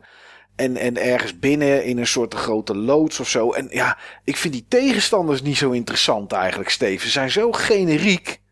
Het, het hebben ook, het, ja, ik weet het niet. Een beetje grijze massa tegenstanders vind ik het. En, en van wat ik gezien heb. Nou, dat valt op zich wel mee. Het zijn niet, eh, het zijn niet de meest, de meest ingenieuze eh, tegenstanders. Op sommige bosses en dergelijke na. Maar eh, nee, nee, vind ik wel meevallen. En mijn probleem zit hem er meer in dat het gewoon precies dezelfde tegenstanders zijn als ik in Destiny 1 al honderdduizend keer tegenover me heb gehad. Ja, die, die gaat voor jou niet op. Nee, Maar nee. ehm, ja, ik, ik blijf gewoon zeggen, het is gewoon een game die eh, met name echt tof is met een groep. Ja, ja, dat, dat, ja, dat is nou niet helemaal mijn ding. Maar, Nee. Maar ja, goed. En, die hoorde ra- ik- en die raids, dat is gewoon waar het om draait. En eh, het, Ja. het vraagt ook even investeren om daar te komen. Eh, nu ik die raid ook kan spelen, had ik, oh ja, oh ja, dit vond ik leuk. Dit was Ja. het. Ah ja. Dus en eh, als het goed is, in, in december alweer de volgende. Ja, 6 december hè, komt de Ja. volgende expansion al. Vond ik wel een beetje snel, moet ik zeggen. Laat ik het zo zeggen. Als je het een paar maanden speelt, dan, Maar- dan kijk je er rijkhalsend naar uit. Dat snap ik. Maar bij Destiny 1 was dat niet zo. Daar duurde het langer en had Bij ik het Destiny gevoel... 1 was het ook zo. Ja, dat mensen ernaar uitkeken bedoel je. Eh, nee, tot de eerste expansion eh, begin december kwam. Kwam die ook zo snel al, ja? Ja, ja, de Dark Below kwam begin december. En de tweede expansion die was vertraagd en die kwam uiteindelijk pas in april. Ah, oké. Oh, de, voor mijn gevoel zat daar langer tussen. Maar ja, dat is dan... De eh, eerste grote expansion kwam toen een jaar later. Die kwam toen echt, dat was de Taken King en die kwam toen ook in september. Ja, precies. Oké. Nou, nice, eh, Steve. Ja, dat En, was eh, eigenlijk wat ik wou zeggen. Oké, nou, dat, eh, dan gaan we... Niels, ben je er nog? Ik ben er nog. Kijk, gelukkig. Ik heb... Ja, ja. Want zit op te letten. ja, dat moet ook. Want eh, dit, is, dit is jouw moment om te shinen. Te shinen. Ja, Ja. ik heb twee gamepjes waar ik het over wil hebben. Gamepjes. Is Gamepjes. Misschien niet de goede term hierbij. Nee, dat denk Eh. ik niet. Want ik denk dat ik van één weet waar het over gaat. Ja, er is één game en daar kunnen we niet onderuit om die te bespreken. Nee. Het is eh, de game die eh, volgens mij nu het hoogst genoteerd staat van alle games die gereviewd zijn tot nu toe zelfs. Ja, ik, eh, volgens mij staat hij op een 9,7 of zo gemiddeld. Ja, 9,7 en nog wat, inderdaad. Nou ja, Super Mario Odyssey. Eh, jij had hem al gespeeld. Ik zag eh, de Mike's Minutes, die heb ik ook geluisterd. Ja, klopt. Ehm, dus daar heb je al heel veel in verteld. Maar eh, ja, er zijn ook mensen die naar deze podcast luisteren. Misschien nog niet naar Mike's Minutes. nee, nou, dat maakt niet uit. We kunnen het Maar er gewoon dit is nog toch een keer over tegenwoordig hebben. jouw bijproject, eh, Mike? Buttonbashers, eh, Ja. bedoel je? Want ik zag, ik zag gewoon die, eh, ik zag gewoon die, eh, die luisteraantallen. Ik denk van, damn. Ja, ik weet ook niet waar het vandaan komt. Ja, ik gok toch jouw moeder. Ja, dat zou zomaar kunnen. Ik gok toch dat jouw moeder gewoon echt gewoon de hele dag gewoon zit te klikken. Ja, dat moet haast wel. Nee, het is nu. wat, we zijn aan het opnemen op, de, op 8 november. En ik heb nu negen afleveringen online staan. En ja, ik weet niet. Sommige gaan heel hard. En sommige die, eh, die lopen wat minder hard. Het lijkt ook een soort om en om te zijn. Ik weet het niet. Maar ja, op dit moment is aflevering 6. Dus die is nu 1, 2, 4 weken oud. Die gaat over South Park. Die is 637 keer beluisterd. Ja, dat is veel. Dat is eh, volgens mij meer dan welke Buttonbashers aflevering dan ook. Ja, ik weet het. Ik weet niet hoe het komt. En eh, ja, die van Wolfenstein 2, die was van, eh, nou inmiddels anderhalve week geleden. Ja, die is 371 keer beluisterd. Dus ik, ik, ik, ik weet niet waardoor het komt. Ik heb een vermoeden, maar ja, dat ja, de moet ik... titels. Ik denk de titels, misschien de tags eh, die eraan hangen. Ja, ik, Ja. Ik, ik weet het niet. Ik weet wel dat die van de Evil Within 2, daar was ik vergeten in, eh, in, de, in de titel om er Evil Within 2 van te maken. Dus ook de URL is gewoon de Evil Within. Dus als mensen daar op zoek op Evil Within 2, denk ik dat die minder goed naar voren komt. Die heeft dan ook, is ook maar 60 keer beluisterd. Dan zeg ik maar, maar ik ben super blij met 60 mensen die er naar luisteren. Eh, en dat is, ja, dat is op dit moment wel het minst. Het minst De is makers 61. van Evil Within 2, die zouden willen dat 60 mensen het speelden. Volgens mij is dat, is dat wel gelukt. Maar eh, ja, ik weet het niet. Ik weet, ik weet niet waar die luistercijfers vandaan komen. En ik moet nog eh, Soundcloud nog upgraden naar Pro. Zodat ik nog wat meer kan zien. Maar ja, dan nog blijft het een beetje gokken waarom, eh, waarom, het, waarom het zo loopt. Maar ik, ja, ik ben er blij mee. Het, het is, het is leuk. Ja, ik luister ook. Nou, gelukkig maar, Niels. Maar goed, Gelukkig maar. Ja, goed. Mario, Super Mario eh, Odyssey. Ja. Ja, Mario Odyssey. Eh, Mario Odyssey is, eh, denk ik, absoluut de meest ambitieuze Mario die ze ooit hebben proberen te maken. Sinds Mario 64. Dat denk ik ook. In heel veel opzichten voelt het ook als Mario 64. En een beetje Mario Galaxy en af en toe Mario Sunshine. Ja, van die titels is eigenlijk alleen Sunshine de enige die ik echt gespeeld heb. En Ah, oké. Ja, 64 had ik niet in die tijd. Ik heb hem wel op de 3DS. Ehm, en dat zou ik ooit een keer gaan spelen. Maar ja, goed, je weet hoe dat gaat. Ehm, Super Mario Galaxy heb ik ook liggen voor de Wii. Maar heb ik eigenlijk maar een heel klein stukje gespeeld. Echt zo'n game dat ik dacht van, daar moet ik echt een keer goed voor gaan zitten. En dat is dan ook nooit van gekomen. Maar Sunshine op de, op de Cube heb ik wel eh, redelijk gespeeld. Nou ja, Odyssey in ieder geval is een Mario die een enorm gevoel van vrijheid geeft in het spelen. Ja. En je hebt het natuurlijk al een keer gehad over die demo die je bij Nintendo hebt gespeeld. Mhm. En die vrijheid heb ik nu ook zo ervaren. Ja. En het is bijna wat Nintendo met Zelda heeft gedaan met Breath of the Wild, wat ze dus nu ook voor Mario doen. Het is wel een andere richting in. Breath of the Wild probeert echt een sfeer neer te zetten en jou in een soort adventure mode te plaatsen. Uh, Mario niet. Mario blijft op en top platformer. Maar uh, de controls zijn weer beter dan de vorige Mario games die we hebben gehad.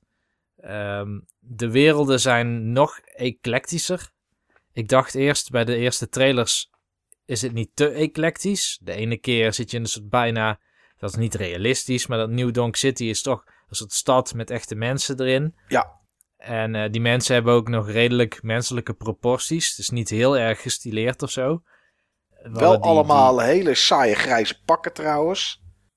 Dat wel inderdaad. Het deed me een beetje denken aan um, die uh, Moonwalker film met Michael Jackson. Ja. Het waren ook allemaal van die generieke dansers er om hem heen. Ja, inderdaad ja. En de commercials van Mario Odyssey die hebben ook een beetje die vibe. Die Moonwalker vibe. Ja, daar zit wel iets van in inderdaad ja. Maar ik heb de game zelf wel uitgespeeld. Ik had hem meegenomen naar China. Dus ik heb hem gespeeld ook in het vliegtuig. En achter in de taxi en in de bus en uh, in het hotel. Dus ik heb meestal handheld gespeeld. En sinds ik thuis ben heb ik ook nog wat op de televisie gespeeld. Um, de game kon ik in een uur of acht uitspelen. Oké. Okay. Maar dan ben je pas op een klein percentage. Ja, dat was mijn vraag inderdaad. Wat is in dit geval dan uitgespeeld? Ja, dat is echt het verhaal, toch? credits. Ja. Ja. Ja, ja, want ja, iedereen die ik, die ik spreek, die, ik heb hem nog niet uitgespeeld. Want ik, ik had namelijk een ander doel toen ik de game ging spelen. Ik wilde eigenlijk de wereld pas verlaten als ik alle maandjes had. Alleen ik kwam er vrij snel achter dat dat gewoon niet kan. Nee. Je kan ze niet in het begin allemaal verzamelen. Dus ja, op een gegeven moment dacht ik van nou, dan ga ik toch maar verder. Maar ik kan het niet laten, Niels, om toch als je er 16 moet hebben om naar de volgende wereld te gaan, even links, even rechts te kijken om er toch wat meer op te pikken nog. Nee, zeker. Dat, dat doe ik ook. Uh, dat, dat is ook het leuke aan Mario. Het is net als bij, bij Zelda dat je in de verte een berg ziet en dat je heel graag naar die berg wil. Ja. Dat je ondertussen afgeleid wordt, omdat je links uh, iets ziet knipperen in het water of zo. En dat blijkt dan een schatkist te zijn. Maar die moet je er dan eerst nog uitzien te halen. Nou, dat soort dingen doet Mario ook, Mario Odyssey. Ja. Je bent op weg naar een ster. Uh, vooral in het begin geeft het spel nog wel aan waar je ongeveer naartoe zou moeten. Het, als een soort waypoint van nou, dit, hier is de ster. Net zoals dat je bij Mario 64 vroeger zag als je een level in ging. Um, je moet bovenop de berg zijn ja. voor de ster. Uh, in, in Mario Odyssey gaat het dan over maandjes. Maar ja, je haalt zoveel maandjes onderweg naar die ene maan die aangegeven werd in de, in, in de overview. Ja. Ja, je hebt een soort punten waar je, waar je naartoe moet, hè, voor, voor, de, voor de story progressie, zeg maar. En dan staat er ergens, zie je een soort van lichtbundel, zie je zo uh, vanuit de hemel komen, zoiets. En uh, ja, die geeft aan van, oké, okay, hier moet je zijn. En ja, hoe je er dan naartoe komt, of hoe je het doet, ja, dat mag je eigenlijk gewoon helemaal zelf weten. En of je er direct naartoe loopt, of dat je 36 omwegen neemt, ja, dat is voor de rest aan jou. Ja, en juist dat voor de rest aan jou. En daar hebben ze iets in gedaan. En daar blinkt deze Mario echt in uit. Dat is die Cappy. Ja. Dat is echt uh, voor platformers denk ik wel uh, de beste mechanic die ik ooit heb gezien. Ik weet het zeker. Cappy, uh, je had al een keer verteld. En het is ook duidelijk uit de trailers.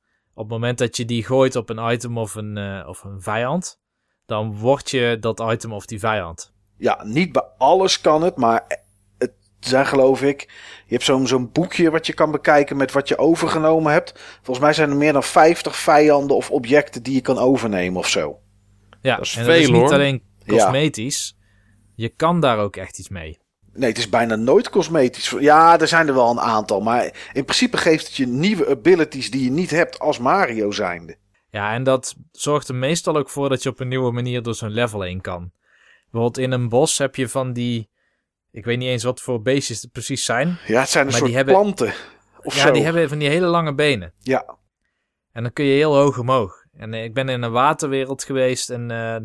dan ehm, ja, ben je ook een soort visje wat als als een soort jet, beetje net als Mario Sunshine, zeg maar, dat je dan de lucht in kan en een stukje kan zweven. Ja. Ja, maar dat vond, ik, dat vond ik gaaf. Want eh, je komt in, dat, in, de, in die wereld met dat water.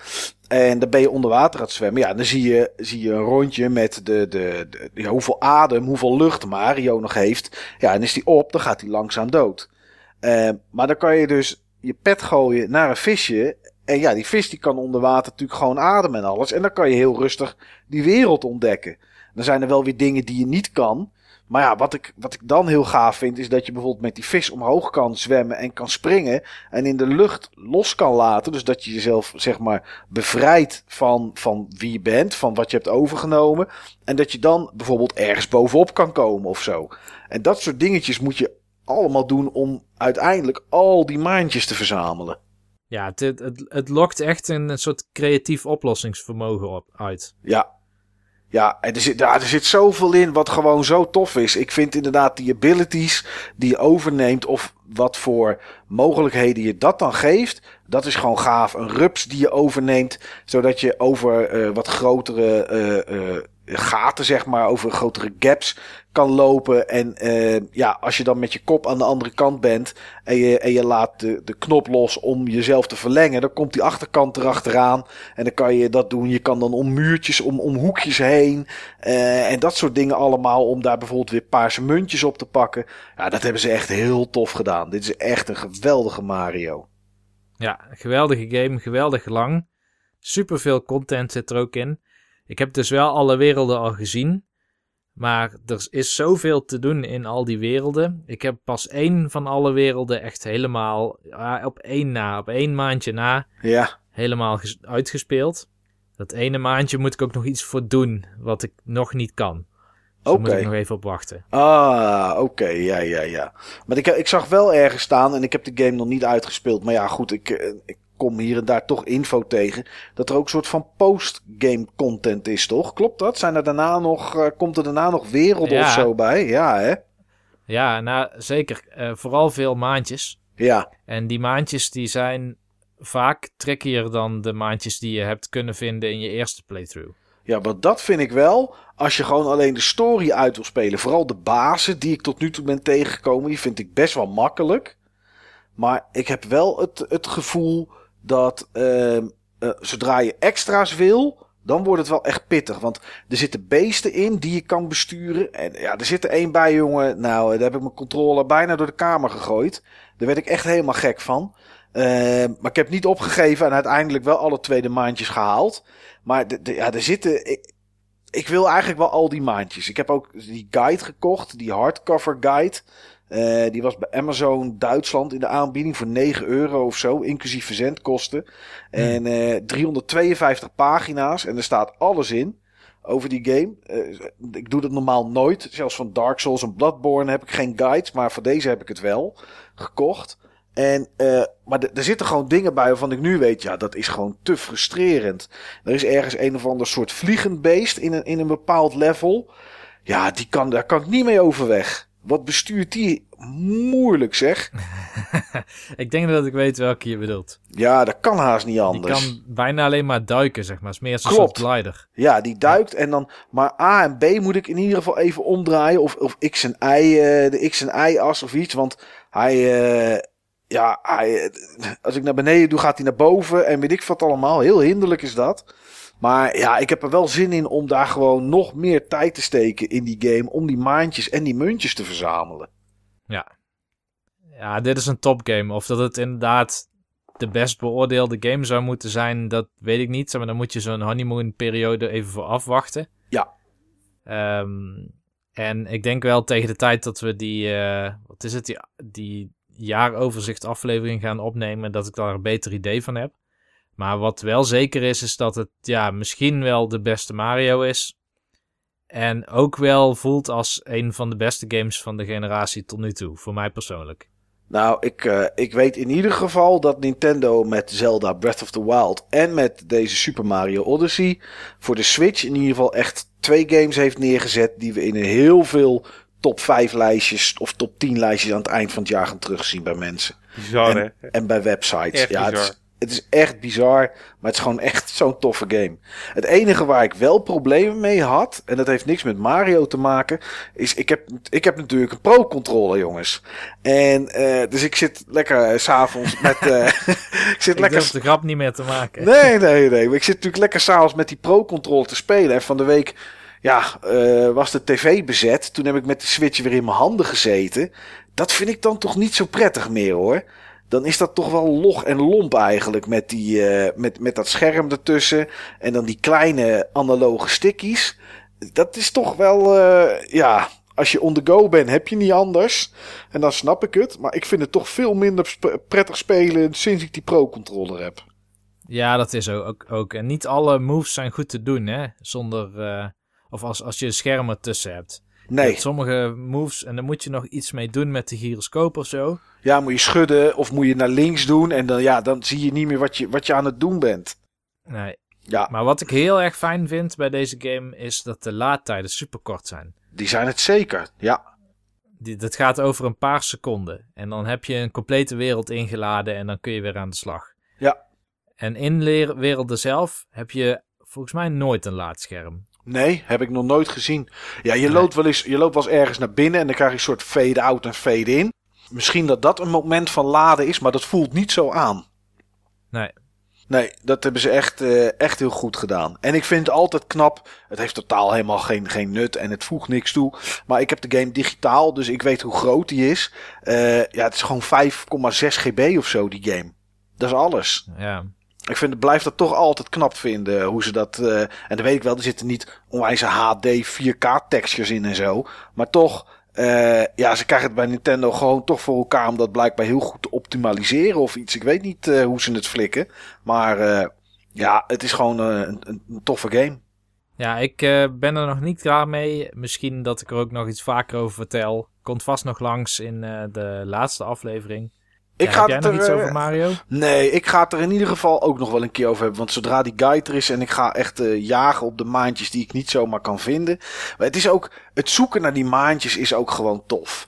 Weet je, uh, je staat zo en dan, dan denk je van oké, okay, dan kan je kan per wereld heb je een lijstje waarin je kan zien hoeveel maandjes er zijn en hoeveel paarse muntjes te zijn. Over die paarse muntjes en die gewone muntjes hebben we het eigenlijk nog niet eens gehad. Maar het is heel simpel. Paarse muntjes kan je items mee kopen die, uh, die alleen in die wereld te koop zijn. Meestal zijn het iets van, is het iets van kleding of een sticker of een souvenir. En die kleding is is 99% cosmetisch. In sommige werelden moet je die kleding gebruiken om een maandje uh, ergens vandaan te halen.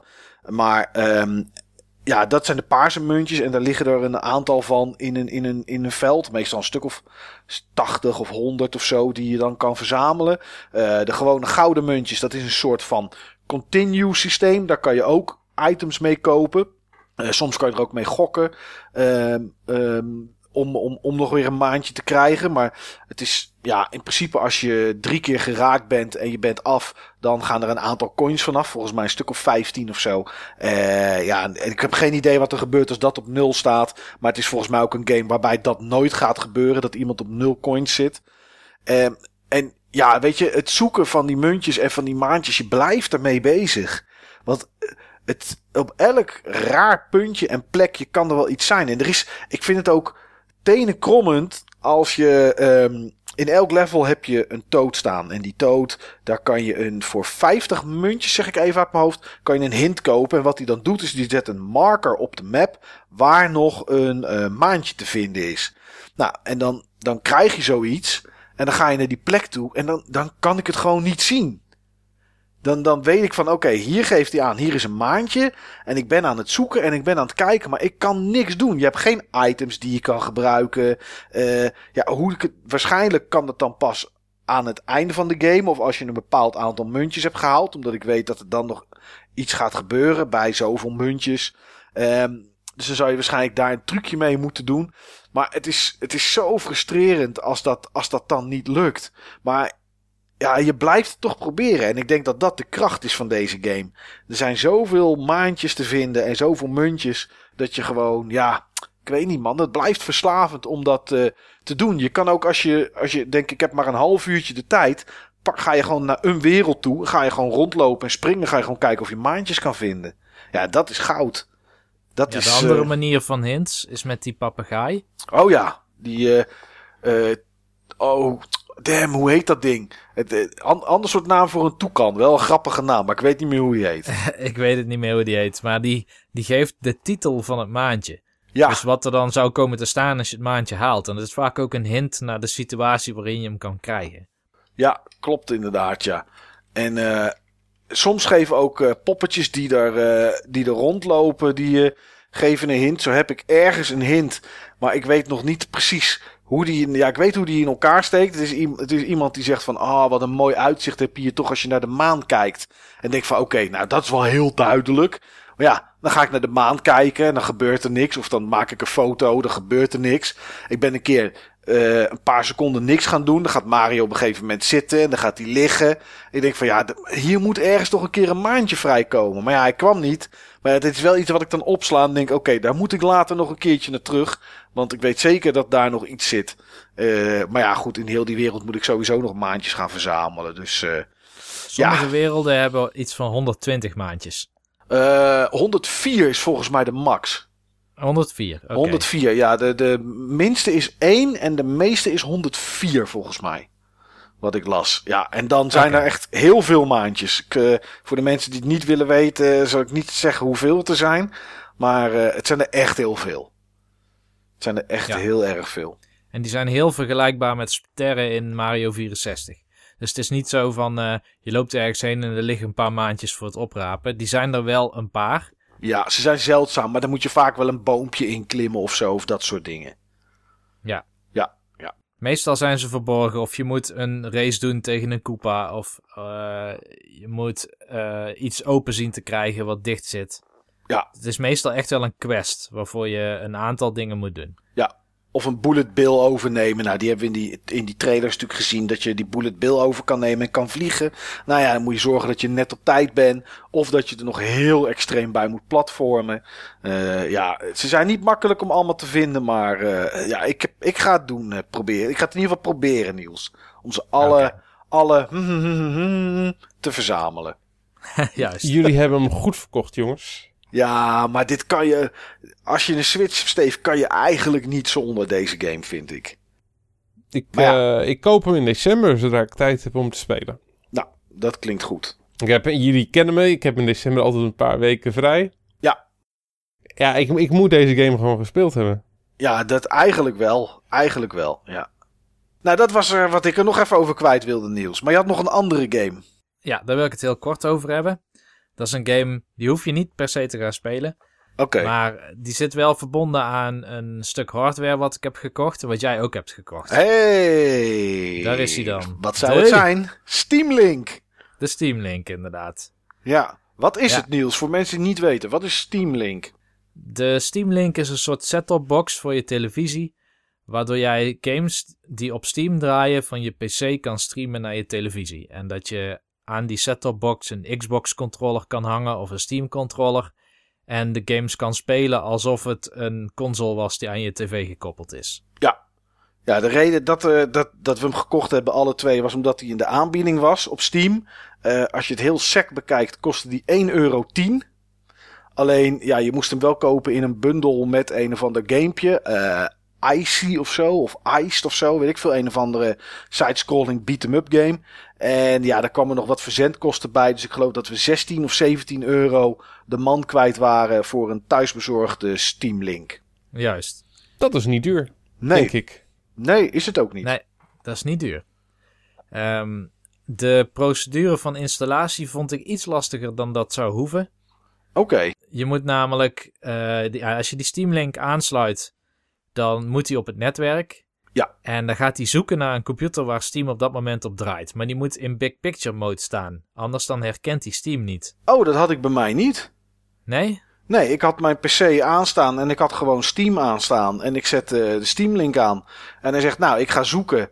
En eh, toen vond hij bij mij mijn PC. En ja, toen klikte ik die aan, kreeg ik een code en die vulde ik in. En toen was ik er. Had het bij mij wel iets meer om het lijf dan dat. Oké. En misschien dat er iets met de firewall anders stond. Ik heb geen idee, maar ik moest Steam Big Picture mode aanzetten. En ik moest voor de zekerheid kijken naar in-game streaming, wat een setting is in Steam. Oké.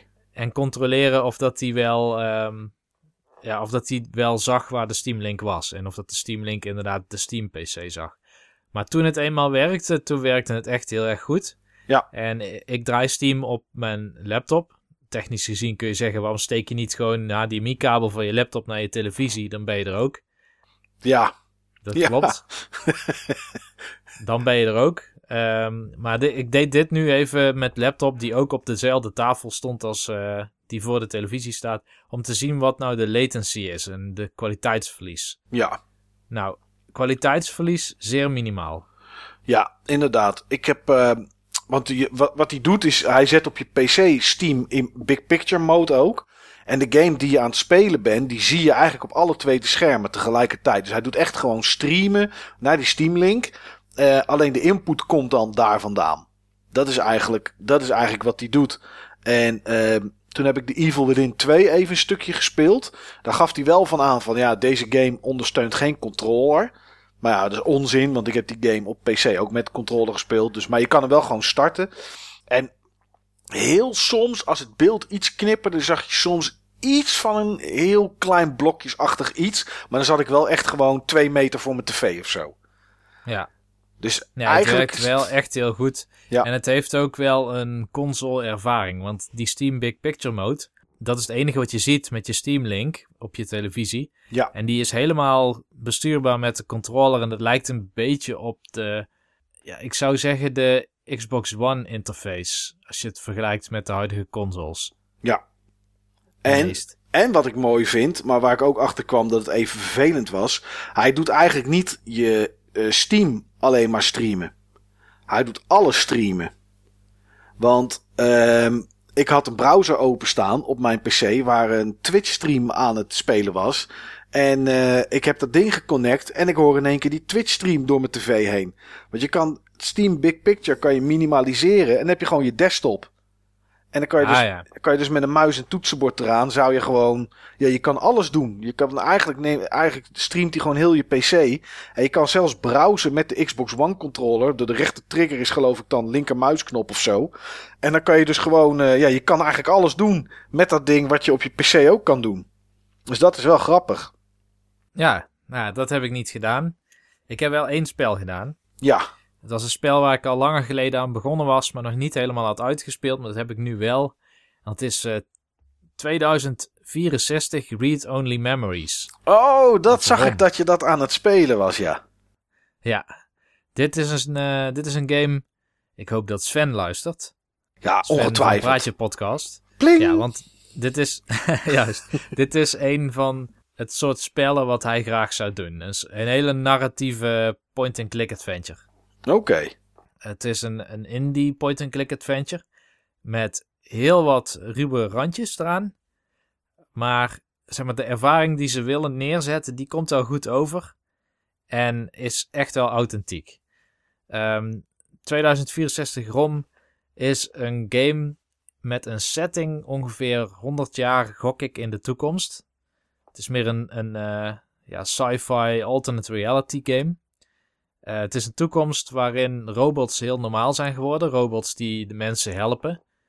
Eh, dat zijn robots een beetje zoals in het Star Wars universum. Een beetje van die R2-D2-achtige robots. Dus niet Oh ja. robots die heel realistisch als mensen eruit zien, maar echt functionele vormen hebben. Ehm, die, die echt vaak ook maar één bepaalde functie hebben. Bijvoorbeeld straten schoonvegen of helpen met bestellingen. Of eh, een soort personal assistant robot. En de game zelf, qua plaats, geografisch, speelt zich af in eh, Neo SF. Ik denk dat dat voor San Francisco staat of zo. Ja. Maar dat is een soort menging tussen een grote Amerikaanse metropool en, en China. Dus veel hoogbouw en veel culturen door elkaar. Je zou het kunnen vergelijken misschien met eh Blade Runner. Oké. Blade Runner is een hele duistere, donkere game.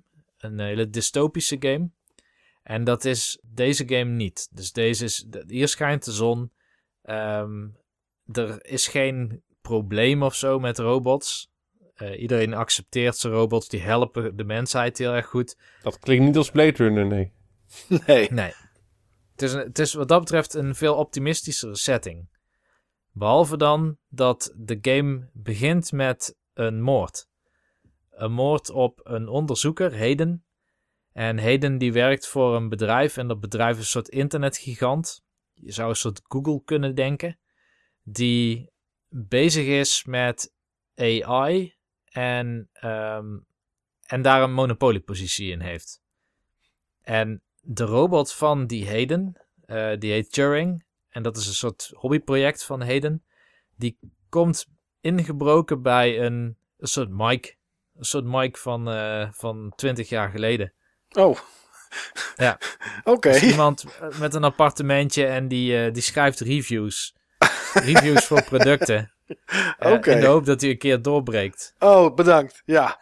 Ga maar door met 20 het jaar verhaal. geleden, hè? Je bent al doorgebroken. Oh, oké, oké. Helemaal doorgebroken. Ja. Met je eigen, eigen platform en zo. Ja. En je hebt zelfs een podcast. Ja, zo, potver. Nee, maar deze persoon, naamloze persoon, want dat ben jij als speler, die, eh, die schrijft reviews nu voor een koptelefoon. En door die review te schrijven hoopt hij een baan te krijgen bij een, eh, ja, een gerenommeerde review website of zo. Ja. En eh, zijn appartement is wel eh studentico's. Dus de was is al eonen niet gedaan. De plant heeft hij waarschijnlijk geen water gegeven. Maar er zit zo'n biocultuur in, heet dat geloof ik. Dat planten zichzelf eh, voeden. Ehm, in ieder geval, de aandacht gaat naar de reviews en niet naar het huis zelf, het appartement. Ja. Maar die Turing die vertelt dus dat zijn baasje, zijn maker, dat er iets mee gebeurd is. En dat hij hulp nodig heeft van iemand die, zeg maar, onderzoeksvaardigheden heeft. Vandaar dat hij bij een journalist uitkomt. En ehm, ja, je komt er al snel achter dat de reden voor die moord iets te maken heeft met de winstbejag van dat grote bedrijf. Het speelt als een soort Larry 5. Als je nog goed kan herinneren, eh, vroeger moest je woorden typen in dit Ja. soort adventures, van die Sierra adventures. En daarna hebben ze een soort interface verzonnen, waar jij een soort intentie kan uitdragen met een icoon. Dus dan heb je iets waar je op klikt en dan kun je, krijg je daarna vier icoontjes eromheen. Zo van eh, praat, kijk, gebruik of neem mee of zo. Ja, zo'n soort wheel, zeg maar. Zo'n eh, action wheel. Zo'n action wheel, ja. Zo werkt dit spel ook. Dus eh, je, je hebt meestal een aantal interactieve objecten in één beeld. En op het moment dat je daarop klikt, dan kun je ja, die, dat, dat wiel zeg maar tevoorschijn halen. Ja, En precies. de artstijl is echt heel erg retro. Stel je voor dat een Atari 2600 meer kleuren had, dan zou het er zo uitzien. Ja, ik zit het hier, eh, ik zie, ik zie wat screenshots en wat bewegende dingen. Het zou, het had op de Commodore 64 uit kunnen komen. Ja, ja ze zoeken eh, denk ik expres die stijl op. Ja, ja Ehm, het heeft echt een beetje, ja, die, die oude Lucas Arts-achtige qua, qua grafisch en eh, hoe het eruit ziet. Adventure achter. Alleen is het inderdaad één beeld. Je loopt niet met een poppetje door dat scherm heen, of wel? eh, nee, klopt. is je keer kijkt één vanuit screen. de ogen van het poppetje. Ja, precies. Ja, ja, ja. En, en het screen is, er is ja, de, je hebt een locatie of een paar locaties waarin je niet zozeer scrolt, maar wel kan doorklikken naar bijvoorbeeld naar rechts. Dat je zeg maar een paar meter naar rechts zou lopen en dan op, vanuit dat perspectief de scène zou bekijken. Maar meestal is een locatie is gewoon één scherm. En daar interacteer je ergens mee. Ja, En ehm, het spel is wel heel erg talig. En dat is natuurlijk iets wat mij tegen zou staan. ja. Ik hou niet zo heel erg van, van veel lezen in games. Nou, deze game laat je behoorlijk veel lezen. Want ik denk dat het probleem is dat een van de makers daarvan... die houdt nogal van dialogen schrijven. Maar die zijn super gemaakt. Dus de dialogen gaan maar door en door. En zitten vol met soort van taalgrapjes... eh, die je eigenlijk juist weer uit de game halen. Mm. Dus je hebt, je hebt bepaalde karakters en die, die hebben een soort slang. En die praten op een manier die te veel beeldspraak heeft. Ja, ik snap Iets het. wat je niet zo heel spontaan zou verzinnen. Dat is wat ze constant maar door en door en door eh, noemen. Alsof je alle one-liners van een eh, NCIS-serie of zo op zou schrijven. En die allemaal probeert in één dialoog te, te stoppen. Ja, ik snap het. Ik zie ook echt, echt gewoon behoorlijke lap tekst voorbij komen. eh, elke keer. Het is maar klikken voor tekst, klikken voor tekst. Ja, ik denk dat als je kijkt waar je uiteindelijk de tijd in stopt in deze game, dan is het 95% lezen en 5% klikken op iets wat dan vervolgens weer een hoop tekst genereert. Ja, Maar het is niet zo'n lange game, ongeveer 10 uur denk ik. oké. Nou ja, dat is toch, eh, dat is toch een slordige 9,5 uur lezen. Ja, zeker. Het is, Dat noemen is we een behoorlijk goed, een goed boek. Ja, Nou, Ja. het, wat het probeert te vertellen is in ieder geval best, eh, best interessant. Het is een, een filosofische kijk op ehm, augmentaties van mensen en eh, robotrechten, zou ik het haast willen noemen. oh oké. Klinkt een beetje als iRobot. Met Do Will Smith. Androids dream of a robotic sheep. Ja, Juist. inderdaad. Ja, die Turing is een robot en die, die heeft algoritmes waardoor die sentient is.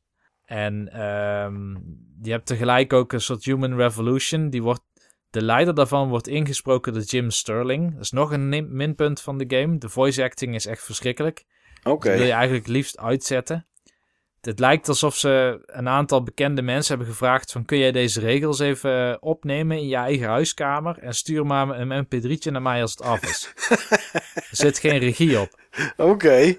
Dus ja, die mensen doen maar wat, die weten niet wat de setting is en die lezen het gewoon maar een beetje op. Die leest het gewoon maar op en het volume van het ene karakter is heel hard en de volgende is bijna onverstaanbaar. Oké. Dus dat zijn die ruwe randjes die eraan zitten, die ik echt niet snap. Want de basis van het spel is echt goed. En het probeert echt iets, iets over te brengen, een interessante ervaring. Alleen hoe de teksten geschreven zijn van sommige karakters, daar ga je gewoon van knarstanden. En de voiceovers of de, de, de spraak, ja, die zijn kwalitatief echt, echt extreem laag. Ehm, ja, ik heb één game waar ik het even over wil hebben. Naast eh, nou ja, Super Mario hebben we natuurlijk eh, gehad. Maar ik heb een andere game gespeeld. En die heb ik eh, voor het astronomische bedrag van 49 eurocent gekocht. Nou, dat, Dat, klinkt of als Steam of als ehm, een kringloop. Nou ja, dat, had, dat laatste had gekund inderdaad, maar dat is het niet. Het is in dit geval Steam. Eh, tijdens Halloween waren er weer eh, Steam sales. En eh, volgens mij komt er ook nog tijdens Thanksgiving, volgens mij, komt er ook nog Ongetwijfeld. komt er sales. En dan eind van het jaar, daar heb je de wintersales. Dus er altijd een hoop, hoop, eh, hoop in de aanbieding. En wat ik dan meestal doe is, eh, als je games op Steam speelt, dan eh, krijg je daar eh, trading cards, verdien je daarmee door gewoon te spelen. En die kan je verkopen ehm, voor mensen die ze allemaal willen verzamelen en daar dan een badge van willen maken en een level omhoog willen en zo. Allemaal cosmetisch, cosmetisch spul. Dus die kaartjes die ik, ja, die ik verdien tijdens het spelen van games, die verkoop ik. En ja, de ene keer is dat voor 3 cent, de andere keer is het voor 50 cent. Dus ik heb altijd wel iets in mijn Steam wallet staan. En dan als er zo'n sale is, dan sorteer ik op de laag van de laagste prijs naar de hoogste. En dan ga ik eens kijken of daar wat leuks tussen zit. En er zaten twee games tussen. eh, Toevallig een deel 1 en een deel 2. Van iets wat ik een keertje gezien had op een stream ergens bij iemand. En ik dacht, oké, dit is wel eens even heel iets anders. En ehm, ja, ik ga dat, dat wil ik eigenlijk wel een keer proberen. Want ik ben wel benieuwd eh, hoe dat in elkaar steekt. Ehm, ik, ik weet niet of jullie het kennen. Het, is, het heet The Room. Zegt het Jawel, dat ken ik. Ja? Volgens mij Ja. ken ik het niet. Oké. Eh, weet je ook wat het is, Niels? The Room? Er zijn toch drie delen van, geloof ik? Eh, twee delen. Twee delen. Zo'n puzzle game. Klopt. Zo'n mistachtig. Zo zag ik het in ieder geval. Ja, nou, het is inderdaad... Het logo heb ik wel eens gezien. Oké. Nou, het is inderdaad een puzzelgame. Maar het is niet een puzzelgame. Ehm ja, het is eigenlijk. Ik zou niet weten waar je het mee kan vergelijken. Eh, er zit in. eh, ik heb, de eerste heb ik uitgespeeld. The Room gewoon. Ehm, die is uitgeloot 2014. En in 2016 kwam The Room 2. En ehm, in principe zitten er maar vijf puzzels in. Alleen die puzzels die bestaan uit heel veel onderdelen. En heel veel losse kleine puzzeltjes. Ehm, het, ja, het verhaal weet ik eigenlijk niet eens meer. Je hebt, geloof ik, je komt ergens in een huis. En daar staat een, eh, daar staat ja, een soort heel grote. Ja, je zou het kunnen vergelijken met een soort speeldoos. Een grote houten speeldoos. Met acht of negen of tien kanten. Ehm, en, en elke kant heeft iets van een puzzeltje. En dat zijn dan niet puzzeltjes met uh, hoeveel is 1 plus 1. Maar ja, dat, dat is met dingen schuiven, met, met hokjes open doen. En vooral ook letten op, um, op, op ongelijkheden, dingen die anders zijn. En het is de bedoeling om ja, te puzzelen naar het, het, het centrum van die puzzel toe. Alleen die gameplay is, is zo anders dan alles wat ik gewend ben. De laatste tijd, nou ja, Super Mario hebben we het net over gehad. Wolfenstein 2 had ik gespeeld. Uh, ja, ik weet niet, van allerlei games ben aan het spelen. En het zijn allemaal games die gaan vooral om, om snelheid en om vingervlugheid en dat soort dingen. En dan is zoiets als The Room is wel heel anders om te spelen. Je, je gaat heel rustig zitten kijken. Je gaat dat, dit hele speeldoos of die hele ja, contraption moet je het misschien maar noemen. Ik zou niet weten wat het in het Nederlands is. Een contraption, maar dat is het een beetje voor mijn gevoel. Het is een soort ja, grote houten doos met allerlei puzzeltjes en dingen. En die ga je ronddraaien. En dan ga je eens rustig kijken. Dan haal je een keer een schuifje over en dan gebeurt er niks. Of je vindt ergens een, een, een sleuteltje. En dan, dan doe je die sleutel ergens in. Dan draai je het slot om. En dan hoor je niks. En dan zie je niks gebeuren. Maar hoor je wel ergens klik. En dan is er ergens op dat, op dat grote object is iets gebeurd. En dan kan je daar weer mee puzzelen. En ja, en zo moet je eigenlijk naar, de, naar, de, naar het centrum komen van dat ding wat in de room staat. Ja, en als je wil, zit er dan nog een stukje, stukje story aan met iemand die iets ontdekt heeft, geloof ik, of zo. Ik weet niet precies wat het, uh, wat het is wat erachter steekt. Maar het is, het is een heel ander soort game dan dat ik ooit heb gespeeld. En ja, ik zag ze voor 49 cent. Ik wist dat het, dat op zich wel interessant was. En ik vind het ook echt leuk om te doen. Uh, na het eten gewoon eventjes even een half uurtje voordat ik uh, in het geweld van uh, Wolfenstein of nu ben ik net begonnen aan Need for Speed Payback. Niet dat ik dat wilde, maar ja goed, die kwam naar mij toe. Uh, voordat ik dan ga racen of maandjes ga verzamelen, even ontspannen met eventjes een, een puzzeltje doen. En het is, ja ik weet niet het, het, is heel apart om te spelen, maar het is super leuk om te doen. En ja, heel rustgevend. Ik weet niet. je moet er ook geen 30 games van hebben, zeg maar. Want dan gaat het, dan gaat het vervelen.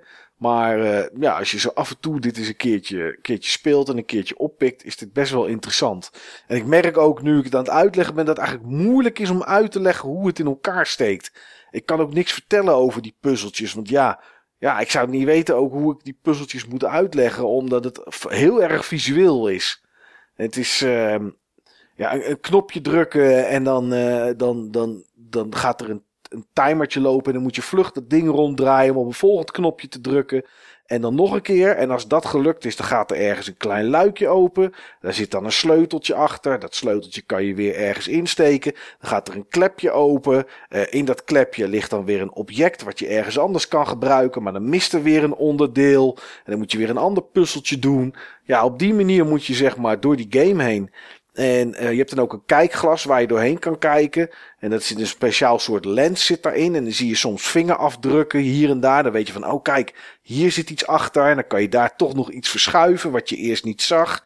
Of je hebt uh, uh, een ding met, met acht kanten of zo. En die hebben dan, ja, op de hoeken zitten een soort van buisjes. En één buisje van al die andere is net even anders. En dan blijkt dat je die kan, kan draaien, dat die open gaat. En dat daar dan bijvoorbeeld een lontje in ligt. En met dat lontje kan je ergens weer een vlammetje aandoen om iets te projecteren. Ja, het is allemaal van dat soort dingen.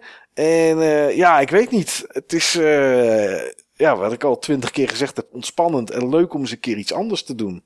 En dat is uh, The Room en dat kostte maar 49 cent. Dus. Uh... Heeft het soms een soort. Dat kan ik me wel voorstellen. Een soort escape room feel. Dat is het. Nou, potverdorie Niels. Dit, ik, ik heb er ja, vijf... Dat is ook wat ik zeg maar zat te denken inderdaad. Ja, ook omdat ja. The Room heet. Ja, nou... Ik had de... Nou, knip het er allemaal maar uit, Niels. En dan zeg ik gewoon... Ja, het is een soort escape room. ja. ja, alleen dan zonder die tijdsdruk. Je kan er echt zo lang over doen als je wil. Er zitten in deel 1 één of twee puzzeltjes in die iets met tijd te maken hebben. Zeg maar dat je iets sneller moet zijn. Met, uh, met, met, met op wat knopjes drukken. Maar goed, het is niet zo dat je zit te zweten en dat het niet haalbaar is of zo. Maar dat is het inderdaad een beetje. Escape room-achtig. En als je het echt uh, heel stoer wil doen, dan uh, je kan per puzzeltje kan je drie hints krijgen. Die zijn nog niet eens super duidelijk, want dat heb ik wel even getest ook. Maar als je die uitzet, ja, dan is het best wel, eh, best wel uitdagend. Maar dat is het inderdaad zo'n beetje, ja. Ja, een beetje escape room-achtig. En dat, eh, ja, ik weet niet, ik vind het leuk. Ik vind het leuk om te spelen. Ja, ontspannend toch? Ehm, ja, ik weet niet of ik het zo zou noemen. ja, dat is het inderdaad, ja. Goed, deze aflevering nummer 80 ehm, is eigenlijk eh, de toekomst van Games deel 2. Daar hebben we het eigenlijk nog niet eens over gehad dat dat deze uitzending is. Alleen dat iedereen dat al gezien. En eh, we hebben drieënhalf jaar geleden ongeveer hebben we het een keer gehad over hoe wij dachten dat game er in de toekomst uit zou zien. En dan gaan we vandaag eens even kijken of, eh, of dat al een beetje klopt. En misschien nog wel wat nieuwe puntjes aantippen.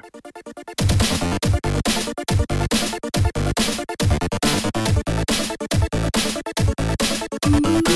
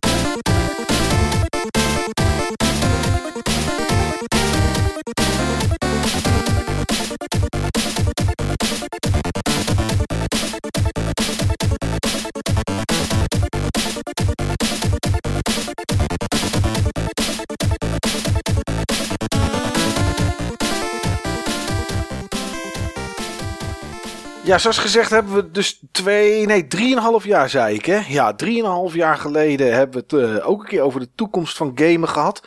Podcast nummer, weet je nog welke het was Niels? Uh, nee, dat weet ik niet meer. Ah, nou, iets, iets, in de, iets in de 30, toch? Ja, klopt, uh, klopt Steve. Nummer 37 was het. En inmiddels zitten we bij 80. En um, ja, we hebben allemaal die aflevering even teruggeluisterd om te kijken wat we toen, uh, wat we toen gezegd hadden. En uh, wat mij opviel voor mezelf, was in ieder geval toen ik het luisterde, dat het eigenlijk over hele basisdingen eigenlijk ging. Uh, we hadden het over controllers, uh, de tv en 4K en dat soort dingen allemaal. We wisten nog niet precies hoe dat zeg maar helemaal ging lopen. En we hadden het over geluid en we hadden het een beetje over de, over de, over de mediums, zeg maar, hè, van, van Blu-ray of digitaal of dat soort dingen. En uh, ja, een aantal dingen, daar kunnen we niet zoveel over zeggen, heb ik het gevoel. Bijvoorbeeld controllers. Ja goed, dat is nog steeds een beetje hetzelfde als in die tijd. Al zouden we kunnen zeggen met de Switch dat er wel wat meer movement weer terug is gekomen. Uh, maar wat ik wel grappig vond, was dat we het op dat moment ook hadden om eventjes terug te grijpen naar de tv als centraal punt. En jij, Niels, had zoiets van, nou ja, dat is nu nog uh, een soort mastodontachtig iets, zeg maar. Een tv in de huiskamer en daar... Daar zit het allemaal een beetje, daar zit, draait het allemaal een beetje omheen. En Steve was het daar ook wel mee eens. Want die, gingen u nog een 1-2'tje maken tegen mij. En, uh, maar als we nu kijken, zeg maar, hè, Niels. Xbox One X en PS4 Pro zijn inmiddels uitgekomen. Ja, die zijn toch wel heel erg geënt op tv. Want het gaat toch om 4K en meer frames en mooier en dat soort dingen. En HDR.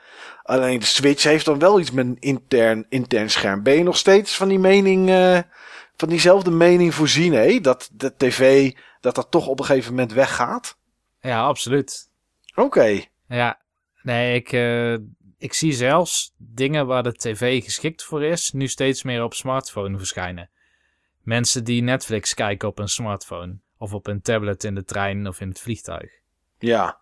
En dan denk je toch dus dat die tv ook voor gaming straks gewoon een keer verdwijnt. Of dat die verdwijnt voor gaming, dat is, dat is iets anders. Mm -hmm.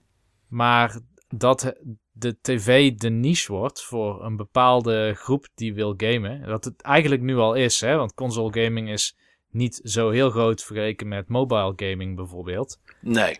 Maar ik denk dat ook de traditionele console experiences meer mobile gaan worden. Dat denk ik nog steeds, ja. Oké. Okay. Wat denk jij, Steve? Ben je nog steeds ook van die mening, uh, mening voorzien, zeg maar? Wel veranderd. Oké. Ik denk dat voor singleplayer ervaringen, ehm, mobile en ik noem er eventjes andere devices meer en meer leidend eh, zul- zullen worden. Maar voor een gedeelde experience denk ik, eh, dat is gewoon het domein van de tv. En, voorlopig is dat wel, is dat wel eh, blijvend. Van, daar zie ik gewoon weinig alternatieven voor. En hoe, hoe bedoel je dat met, met multiplayer ding dan zeg maar? Is, bedoel je dat meer in co-op of, of als mensen gewoon net als met Ervaringen die je gewoon samen met, eh, met, met iemand wil delen op de bank. Ah, op die manier. Net zozeer als dat je gewoon eh, samen op de bank lekker met iemand wil Netflixen. Ehm, een Mario Kart 8, die, ehm, die leent zich ook gewoon het beste om op die manier gespeeld eh, te worden. Daar en, ben ik met natuurlijk, je eens. en natuurlijk kun je, eh, kun je die Switch ook gewoon neerzetten met zo'n klein controllertje in je handen. Maar dat is toch een suboptimale ervaring. Ja. Nee, dat ben ik, dat ben ik met je eens. Ik denk ook Dat is niet dat wat ik in mijn eh, woonkamer, dat is niet wat ik in speld homebase zoek. Ik denk de optimale ervaring voor Mario Kart 8 is ieder zijn eigen Switch. Ja, dat, dat, ja, nee. ehm, ik vind dat schermpje toch dan te klein. Weet je, ik vind het leuk om, om dat even 10 minuten te doen. Voor mij persoonlijk, zeg maar. Maar ik, ik, ik ga niet drie uur lang naar dat schermpje zitten staren. Ik denk dat er geen dag komt dat ik met die switch op de bank zit of buiten of weet ik veel waar. En dat ik zeg, ah verdorie, batterij op. Ik denk niet dat bij mij ooit zo'n moment komt. Ja, misschien in een vliegtuig of zo, als je echt niet iets anders hebt. Maar ik, ik, ja, ik weet niet. Ik zie me dat niet, eh, ik zie me dat niet heel erg doen op die manier, Niels. Nee, mijn ouders zagen zich ook niet eh, eh, bijvoorbeeld een smartphone of een tablet gebruiken. Of internet überhaupt, of een mailadres. Maar dat is toch wel veranderd. Ja, dat is wel veranderd, maar dat zijn dingen die, die zaken makkelijker maken. En, die, en die, waar je niet meer omheen komt. Ik bedoel, ik weet nog, mijn schoonmoeder die zei een paar jaar geleden van ja, als je naar de tv kijkt, bijvoorbeeld naar ehm, zo'n mooi programma als ehm, eh, eh, dat ze die mensen gaan zoeken in het buitenland. Ik weet even niet, met Dirk op eh, Nederland 1. Eh, Vermist. ver- vermist of zo, denk ik dat dat heet. Ja. En, en dan was het zo van, wil je weten hoe het nu met Anja gaat? Kijk dan op en dan een URL erbij. En dan had ze iets van, ja, weet je, waarom moet dat allemaal? Waarom kunnen ze dat niet gewoon op tv laten zien? Dus voor dat soort dingen zeg ik ja. Dan, is, dan, dan voegt het iets toe, dan kan het een verrijking zijn. Of het is alleen nog maar de enige manier van. Ik bedoel, mijn ouders die gaan, die gaan verhuizen. Ehm, ja, bijna al je verhuizingen geef je online door tegenwoordig. Je kan wel bellen, maar het is natuurlijk veel makkelijker als je dat online doet. Dus dat vind ik, dat vind ik dan anders dan dat ik van een, een, eh, een, een 107 centimeter tv waar ik lekker op een bank kan, eh, onderuit kan zitten.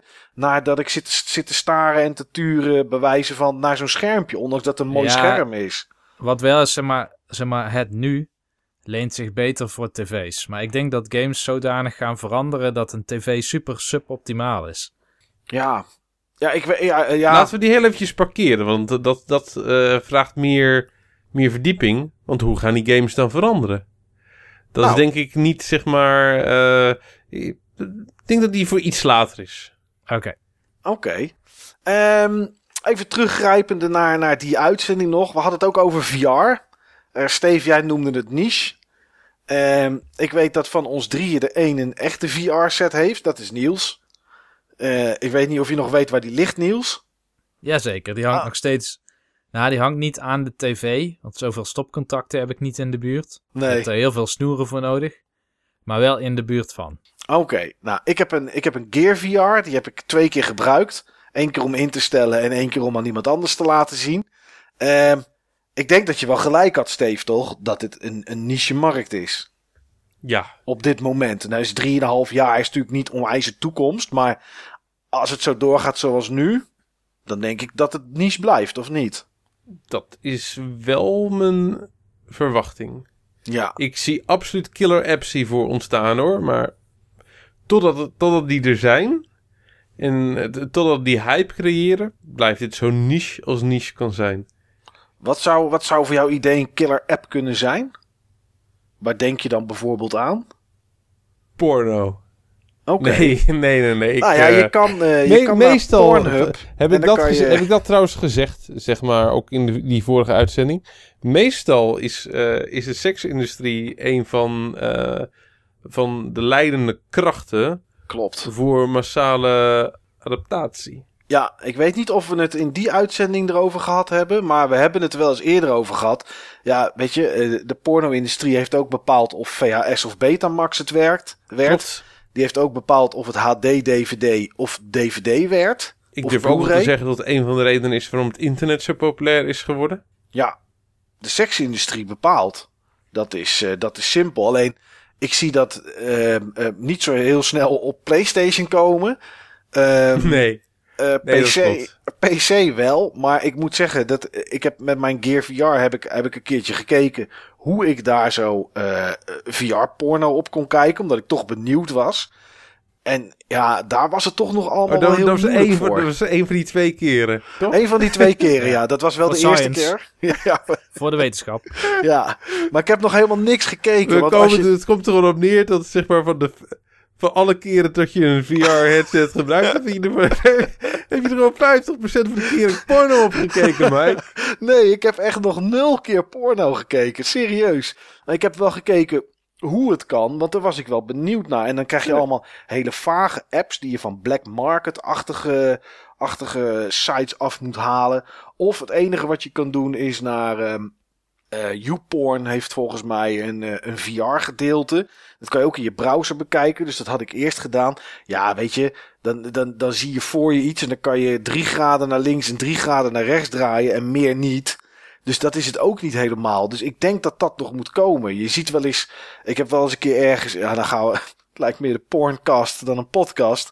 Maar ik heb wel eens een keer ergens zo'n video gezien ehm, ehm, van zo'n zo'n seksbeurs in Amerika, volgens mij bij Joe Goes.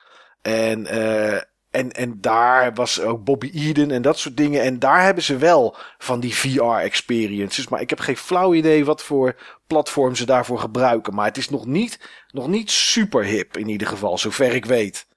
Misschien is dat ook maar goed ook. Ehm, voor mijn onschuld. Maar ja, ik, ik weet niet. Zou dat de killer app zijn, Steve, voor VR? Om het groter te maken? Ja, wellicht. Wellicht. Ik, eh, ik, ik weet het niet, joh. Ik, eh, ik weet wel dat ik eh, een uur geleden Ja. nog een advertentie zag voor de Oculus Rift. Op Facebook. Mhm. 4,49. Oké, valt mee. Dus de prijs gaat wel de goede kant op. Ja. Maar eh, ja, dus, dit zijn nog geen prijzen die zorgen voor ja, massale, ma- massale aanschaffen, joh. Nee. Ja, ik vind het ook nog te omslachtig qua wat je er allemaal, al die kabels, eh, allemaal dat soort dingen die, die je ervoor nodig hebt. Eh, je weet van die van jou, Niels, jij was toen toevallig hier dat weekend bij mij toen je hem net gekocht had. Ja, de, de kamer leek wel een, eh, een handyman, joh, met al die kabels die overal lagen. Ja, het is wel, het is echt veel kabels. Nu heb ik het wel bij mij nu redelijk weg weten te werken. Ehm, in principe loopt er nog maar één kabel richting de headset. Dat Ja, is de kabel waar de twee HDMI-poorten in zitten. En daar sluit ik dan de headset op aan. Dus ik zit nu niet meer met een kastje waar weer een USB-verbinding mee loopt richting de PlayStation 4. Maar dat tussenkastje, Mhm. dat heb ik nu echt tegen de PlayStation 4 aangeklemd in een kastje. Oké. Dus eh, daar heb ik geen last meer van. Ik heb minder kabels nu. En de setup is ook minder lang dan dat het toen was. Veel minder lang. Ja, Er is één best wel aardige game hoor, die ik laatst nog heb gekocht voor de PlayStation VR. Heb ik er twee maanden geleden gekocht, denk ik. Niet echt de kans gehad om het erover te hebben in de podcast, maar het is Farpoint. oh ja, dat is die shooter, of niet?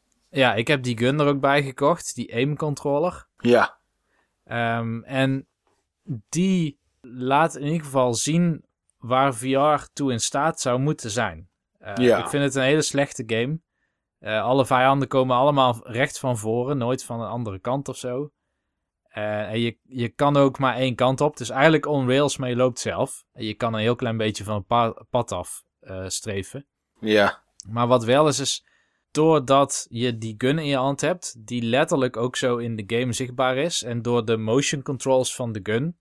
Zeg maar, jij zou het niet leuk vinden, want je moet eh, de controller over je schouder doen om te reloaden of om eh, een ander wapen te pakken. Oké. er zitten allerlei bewegingen aan. Ja. Maar je hebt wel het idee dat je een gun vast hebt in het spel. En je verschiet ook echt van, van vijanden die op je gezicht proberen te springen. De Hmm. immersion is wel een stuk groter op zo'n manier dan dat je met een DualShock controller in je hand zit. Of zelfs met die Move controllers Ja. met, met Batman. Ja, want weet je, weet je wat het is, hè? We hadden toen, wisten we niet van, ja, wat gaat het doen en, en komt er iets groots voor? Toen hadden we het zelfs nog over Google Glass. Nou, dat is inmiddels helemaal eh, van de publieke baan afgeschoven. Ehm, en, en ja, er zijn best wel een aantal games geweest. Tenminste, één, één echt hele grote voor mijn idee. En dat was Resident Evil.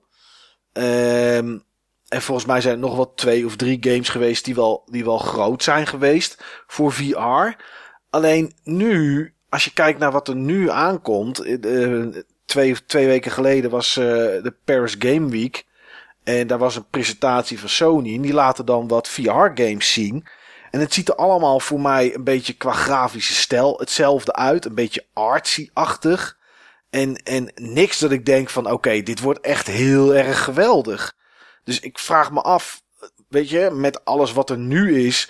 En het, in de toekomst verandert dat natuurlijk, dat, dat weet ik wel. Maar met wat het nu is zou ik zeggen van, ja, weet je wat Steve zegt, het, het is niche.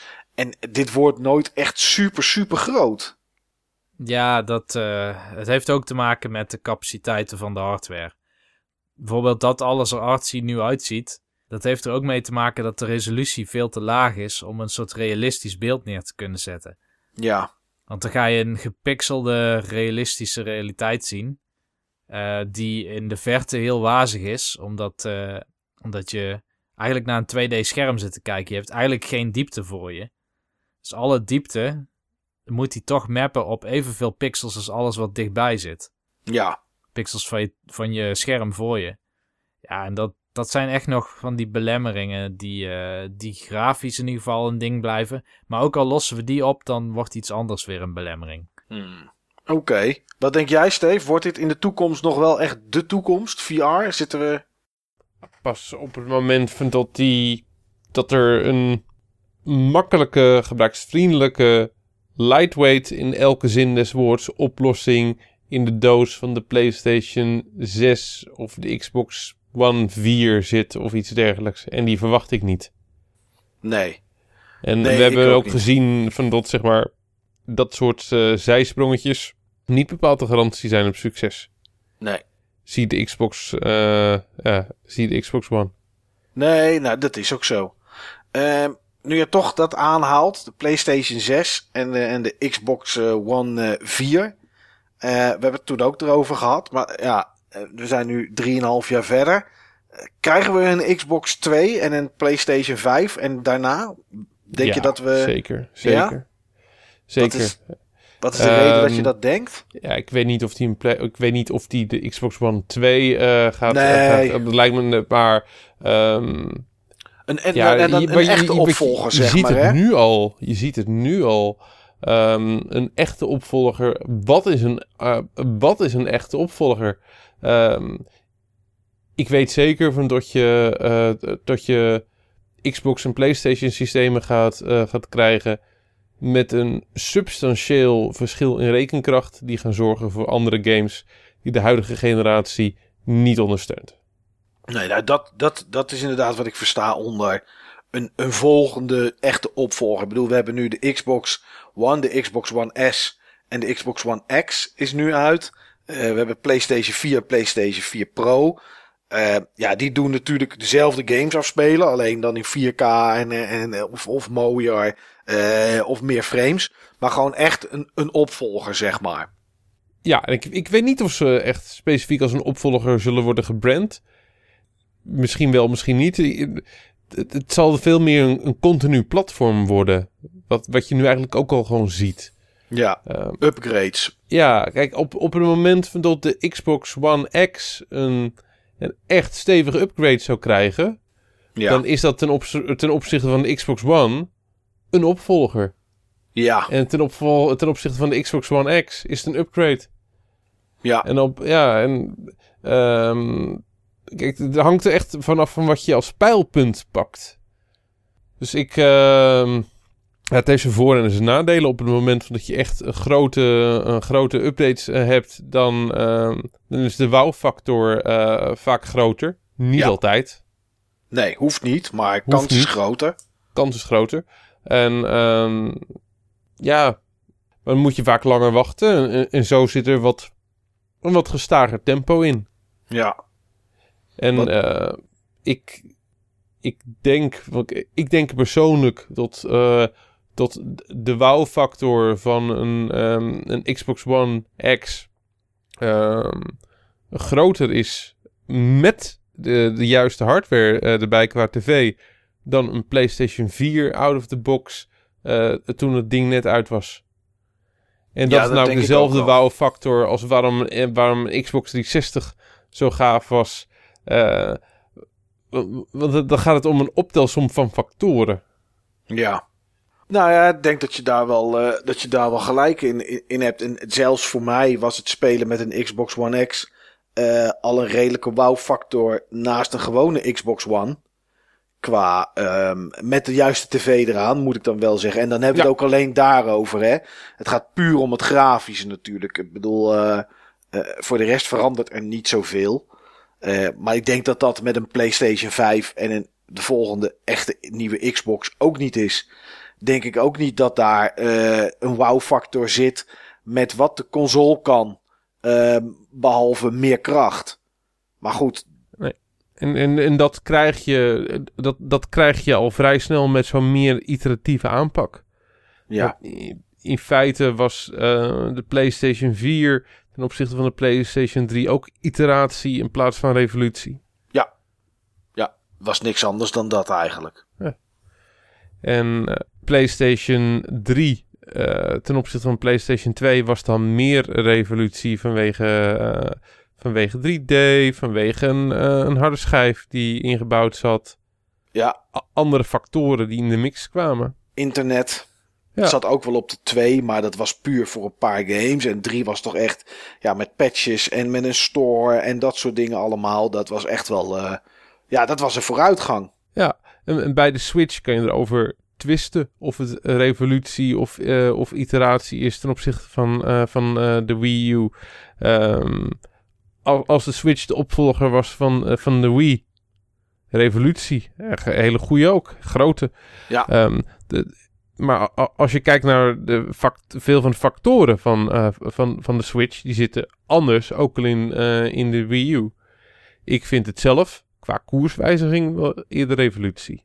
Qua Ja. impact. Qua overall impact, wat het, eh, wat, het, wat het doet voor de richting van Nintendo. Zeker wel. Wat denk jij, Niels? PlayStation 5 en Xbox, eh, whatever. Oh ja, nee, ik ben het eens. Ik denk dat die ook gewoon gaan komen. Die gaan komen en eh, wat wel is, is ik zie wel ruimte voor een nieuwe tier games. En dat kan wel invloed hebben als die, als die ook bestaat, die tier, of als die er komt. Ik weet niet hoe ik het moet noemen.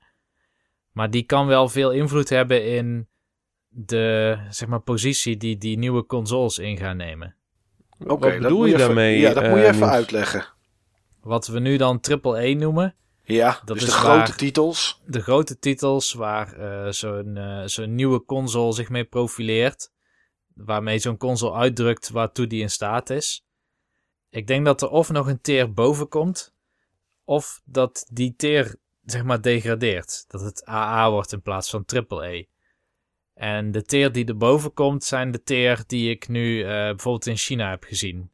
Met die grote studio's met live operations erin die zoveel inkomsten hebben dat ze eigenlijk gewoon een Activision gewoon kunnen kopen als ze er zin in hadden.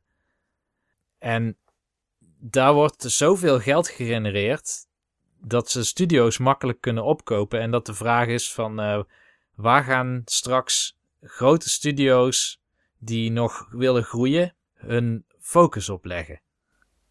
Wat, wat zou dat. Kan je iets met een voorbeeld doen, Niels? Wat zou dat dan betekenen? Nu kijk ik naar een God of War bijvoorbeeld. Ja. Of naar een, eh, een Gears of War 4. Wat zou dan een, een, een, een game zijn die, een, die nog een stap hoger is dan dat? Of moet ik het niet op die manier zien? Ik zie het meer vanuit de business. Kan God of War eh, ik denk wel dat, dat God of War en ook eh, Horizon Zero Dawn zeg maar kostendekkend kunnen zijn. Maar zijn dat echt ehm, businessmodellen waarop je een industrie kan laten groeien? En dat betwijfel ik heel erg. Hmm. Tegelijkertijd heb je dus wel een andere tak van de industrie die heel hard groeit, waar de inkomsten vele malen hoger bij zijn. Ja, En, en wat is dan straks de incentive om niet ook zo'n businessmodel aan te nemen? Of dat de bedrijven achter die businessmodellen de development teams opkopen die nu de God of Wars bijvoorbeeld maken. Ik snap je heel goed, eh, Niels. Eigenlijk heb je het antwoord al gegeven eh, in jouw intro-praatje over je Aziatische avontuur. Dat, dat playing, staying, paying. Juist. Eh, dat zal gewoon veel meer centraal komen te staan in, ehm, in de industrie. Met name staying en paying. En staying ook gewoon het continu toevoegen van waarde om op basis van die waarde revenue-stromen eh, te creëren. Dat is in feite iets wat, dat is een model wat, eh, wat, wat inmiddels langdurig bewezen succesvol is qua mobile games. En ik, ik zie dat ook gewoon wel overal terugkomen. Ik zie dat wel het model worden. ja. Dit is iets waar ik eigenlijk eh, eh, straks het, eh, hierna dat wilde aanhalen, zeg maar. Omdat ik nog iets wilde zeggen over, over, over dit. Over, over een volgende console. Maar eigenlijk lopen we nu heel mooi dit onderwerp in. Dus laten, we dat, laten we dat gelijk. Nee, laat ik even zeggen dat ik denk dat er wel een PlayStation 5 komt. En bij Microsoft weet ik het zo net nog niet wat die gaat doen. Microsoft heeft toevallig, was dat vandaag, aangegeven dat ze binnen nu en drie jaar eh, voor ogen hebben om een streamingdienst te hebben voor games. Die onafhankelijk werkt van welk platform dan ook. En ehm Waar, waar heb je dan nog een Xbox voor nodig? Niet meer. En Nee. Microsoft geeft ook geen ene drol om die hardware. Want Microsoft wil software verkopen. Microsoft wil games verkopen en de dienst, de services die daarbij horen. En de Xbox One die loopt achter qua verkopen op de PlayStation. PlayStation 4 zit geloof ik op 67 miljoen. Dacht ik dat het van de week was. En Xbox vertellen ze niet meer. Maar nu met de Xbox One X zitten ze misschien op 41 of op 42 miljoen of zo. Eh, gok ik. Ehm, maar dat interesseert ze eigenlijk helemaal niet. Want elk jaar en elk kwartaal zelfs gaat de winst omhoog van hun games en hun services. En dat is waar ze het grote geld verdienen. Of in ieder geval willen verdienen. Dus Microsoft geeft daar helemaal niets om, denk ik. En de, Phil Spencer heeft zelfs laatst al een, al een keer gezegd dat als ze meer geld kunnen verdienen door ook bij wijze van spreken Microsoft exclus- exclusives uit te geven op een PlayStation platform, dat ze, niet, dat ze het niet zouden schuwen om dat te doen. Dus ik denk dat we hebben het wel eens gehad over in de toekomst heb je nog maar één apparaat staan en, eh, en daar speel je op. Hè, of, of dat gaat gebeuren of niet. Nou, bij Nintendo denk ik voorlopig niet, want die blijven hun eigen apparaat in- de toekomst maken, want die willen toch een beetje eigen, ei- eigenzinnigheid. Maar ik denk dat Microsoft misschien nog één nieuw Ben soort ik niet, console... ben ik niet met je eens, eh, Mike. Ik vind dat Nintendo er gigantische stappen naartoe heeft eh, genomen. Eh, in sommige opzichten groter dan Microsoft. Naar, naar, naar wat toe bedoel je dan precies? Nintendo, eh, de, de games van Nintendo stonden synoniem voor zeg maar eh, puur alleen zeg maar te verschijnen op hun eigen platforms. Ja, Los van bizarre uitstipjes zoals die CDI-games. eh, ja tuurlijk. maar, maar kijk wat ze nu op mobile doen. Klopt. Dat, Dat- is echt, dat is gewoon voor het eerst. En het is. Eh, eh, aandeelhouders eh, die- reageren er positief op. Reviews zijn goed. Fans reageren er positief op. Kijk, nu zijn het nog de eerste uitstapjes. Maar alles begint gewoon. eerst moet er gewoon even een teentje in het water. voordat je er helemaal inspringt. Ja, nee, dat is zeker zo. Maar ik, ik zie toch niet. Ja, goed. En eh, misschien in de toekomst wel. Daar gaat deze uitzending over. Maar ik zie toch niet, denk ik, zo'n Super Mario Odyssey. die nu uit is gekomen. straks op een, op, op een PlayStation 8 uitkomen, zeg maar, tegen die tijd. Zie jij dat wel gebeuren? Denk je dat, dat op een gegeven moment. dat zo gaan maken dat dat overal op uitkomt? Of, of wat dan ook? Ik weet het niet. Het hangt, eh, hangt wat succes af van, eh, van alle experimenten die ze nu aan het doen zijn. Het zijn nu nog experimenten. Ja, Eh, eh, Fire Emblem, hebben we het eerder over gehad, is gewoon een serious moneymaker. Ehm straks komt Animal Crossing. Ja. Ik denk dat dat veel meer potentie heeft dan Fire Emblem. denk ik ook. Ik heb wel van de beelden die ik gezien heb, zit er voor mij echt helemaal niets aantrekkelijks in. Eh, want volgens mij is het echt alleen maar huisje inrichten en spulletjes kopen. Eh, maar goed, daar, daar gaat het niet om. Maar ik, ja, nee, tuurlijk. Ik denk wel dat die uitstapjes groter worden.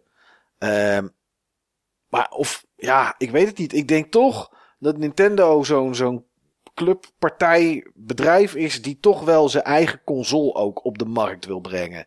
Kijk, vo- voorlopig wel hoor, maar ehm, ik, ik sluit het zeker niet uit. Nee. Maar goed, ja, terug naar Microsoft. Het zou dus zomaar kunnen hè, dat ze dus over een. dat ze misschien hierna nog wel, dat denk ik, één doos uitbrengen. eh, waarop het streaminggedeelte werkt. En dat ze daarna. eh, ja, dat ze daarna. dat ze daar helemaal niets meer om geven. En dat ze eigenlijk alleen maar de games willen verkopen. En, eh, en, en hun Xbox. Xbox Live Gold. Aan, aan mensen om het mogelijk te maken om te kunnen streamen. En Dit, dit was altijd een van mijn grote voorspellingen, hè? Van, zeg Ja. maar de, eh, dus, ehm, En, en het is natuurlijk, in die, we- de, in die uitzending hadden we het, in die podcast 37 hadden we het over PlayStation Now. Omdat het toen net, eh, was nog net in beta volgens mij. Nou, inmiddels is het er. Eh 400 games heb je er ongeveer op. Van PS3 en PS4. Kost 17 euro per maand. En streamt ze naar je device toe. Ehm, ik moet heel eerlijk zeggen dat ik niet weet hoe het op dit moment met die streamingkwaliteit zit. Maar ik weet dat in het begin het niet zo best was. Ehm, en Microsoft heeft nu ook zoiets, maar net, net eigenlijk allemaal anders. Eh, dat is de Xbox Game Pass. 100 games zitten daar nu op dit moment op. Dat blijven er ook elke keer zo'n 100. Die swappen ze in en uit. Ehm, Xbox 360 en Xbox One. 9,99 euro kost het per maand. En daar download je de games. Dus je streamt ze niet, dus je kan ze ook offline spelen. Denk je, Niels, dat dit de, de, de, ja, de methodes zijn van de toekomst? Oeh. eh, ehm, Ja, ik leg hem even bij je neer. ja, dat merk ik. Als de games zeg maar groeien en blijven groeien qua content, waarbij de wereld het beste server-side aangepast kan worden, Ja. dan, dan denk ik wel dat je zoiets meer gaat zien. Heel interessant is bijvoorbeeld Dragon Quest 10. Dat is zo'n eh, zo'n MMORPG. Die is origineel op de Wii verschenen. Oh ja. Die is ook uitgekomen op de mobiele telefoon en de 3DS. Eh, later ook nog naar de PC en PlayStation 4 en de Switch. Maar wat interessant is van de mobile en de 3DS-versie, is dat die volledig wordt gestreamd. Oké. Omdat er geen kaartje groot genoeg is om die hele game te bevatten. Nee, dat is een, ook- eh, sowieso is dat een, eh, is dat een, eh, Nintendo-probleem. Ja, dat, dat is wel een ding inderdaad. Je kan ook niet verwachten dat ze even wat packs downloaden of iets dergelijks. Nee. Dus ze streamen het. En het werkt. En het verkocht heel goed. Dus Hmm. ik kan me voorstellen dat voor games die. Vooral voor ontwikkelaars die eigenlijk niet zoveel bezig willen zijn met hoe krijgen we het straks dan op een fysieke medium of eh, in een downloadformaat. Dat mensen niet meteen de hele interne drive van een nieuwe console vol hebben staan. Ja. Ik kan me voorstellen dat sommige games gewoon met een soort streamingmodel gaan werken waar je alleen maar de app downloadt. En eh, de game komt via die app als soort portal, zeg maar, naar je ja, toe. als een soort van client. Ja, Ja, gewoon client-server applicatie waarbij je lokaal wel je poppetjes hebt en wat items en dat soort dingen, wat basic mechanics. En dat de wereld inderdaad naar je toe gestreamd wordt. Ja. Ja, dat zou op zich zou dat natuurlijk wel een, een, ik denk een betere oplossing zijn op dit moment dan een PlayStation Now die de hele game naar je toe streamt. Want op het moment dat die hele game, dus ook het beeld en alles eh, doorgezet moet worden via, via stream. En wij zien het aan Steam Link die we, die we hebben. eh, dat doet het goed, maar dat moet je, dan moet je het wel eh, bekabeld eigenlijk in je huis hebben. Ik weet niet of jij hem op de wifi hebt of dat je er een netwerkkabel in hebt gestoken, Niels. ik had hem wel op de wifi. Oké, oké. Ja. En dat ging wel goed? Nou ja, ik, ik speelde dus een game die op de Ja. Commodore 64 uitgekomen had kunnen worden. Ja, eens. Ja, nou ja, goed. Ze, ze, ze raden het aan om het bekabeld te doen in ieder geval. Eh, ja, dat is niet voor niks. Want ja, je input moet naar de PC toe in dit geval. Die staat dan op je eigen netwerk. Ehm, en als je ook de twee schermen bij elkaar hebt en je, en je beweegt met je controller, zie je de input die je doet met de controller op je Steam Link eerder gebeuren op je PC, omdat het beeld dan nog terug moet komen. Eh, dat klinkt als een hele grote vertraging, maar het is echt minimaal. Maar je ziet daar wel iets in. Een, een kleine vertraging is al genoeg om het te zien. Ja. Als je het echt gewoon naast elkaar hebt. Ja, precies. Nou ja, als dat dan met iets online is wat volledig naar je toe gestreamd wordt, ja, dan, dan denk ik dat dat voor, eh, ja, weet ik veel, voor een, eh, misschien een tennisgame of zo, dat het prima is. Maar voor iets als een Mario, waarbij het platformen toch wel iets preciezer wordt, ja, dat dat dan wel voor problemen kan zorgen. Dus misschien dat dit, dat dit de eerste stap zou zijn, of misschien wel een betere stap inderdaad, om een soort client te hebben die dan, die dan streamt. En, ehm, ja, en dat alle assets van de wereld en zo lokaal staan. En dat ze alleen, bij wijze van spreken, de, de layout van de wereld naar je toe hoeven te streamen. En de quest en de personages die daar staan. Dat zou wel een hoop schelen natuurlijk. Ja, is wel interessant. Ehm, Eigenlijk ja, is dat een beetje vergelijkbaar met, eh, met gewoon eh, online gamen, hè? Dan Ja. wordt er wordt Ja, er eigenlijk ook dingen of al- ja, of überhaupt gewoon zeg maar in een, eh, in een, in een versus game. ja. Ja. En dan worden er ook gewoon coördinaten en bepaalde logica, gewoon de lijn over verzonden. En heel veel render, eigenlijk in principe bijna alle rendering, die is gewoon lokaal. Ja, ja da- dat zou wel eh, een, mooie oplossing zijn inderdaad. En dat kan je misschien op die manier gewoon meer gaan rekken. ja, Dat, dat, steeds meer ja. gestreamd wordt. Ja. Ja, Uiteindelijk, kijk, uiteindelijk kun je er gewoon echt wel op. Ik blijf erbij. Uiteindelijk kan je er gewoon op neer gaan komen. Dat het volledig gestreamd eh, gaat, eh, gaat worden. Alleen dat tempo zal veel langzamer zijn dan ik in eerste instantie had gedacht. Ja, nou, ik denk het ook. Ik, ik weet bijna zeker, net zoals jij, Steve, dat over, eh, weet ik veel, 30, 40 jaar. Dat je, denk ik, denk ik echt dat, je, dat het gewoon in je tv zit. Of dat je maar één device nodig hebt. eh, en dat je daar gewoon de service van Sony op koopt. Of de service van Microsoft. eh, of die van Nintendo. En dat je daar je gamepjes op speelt.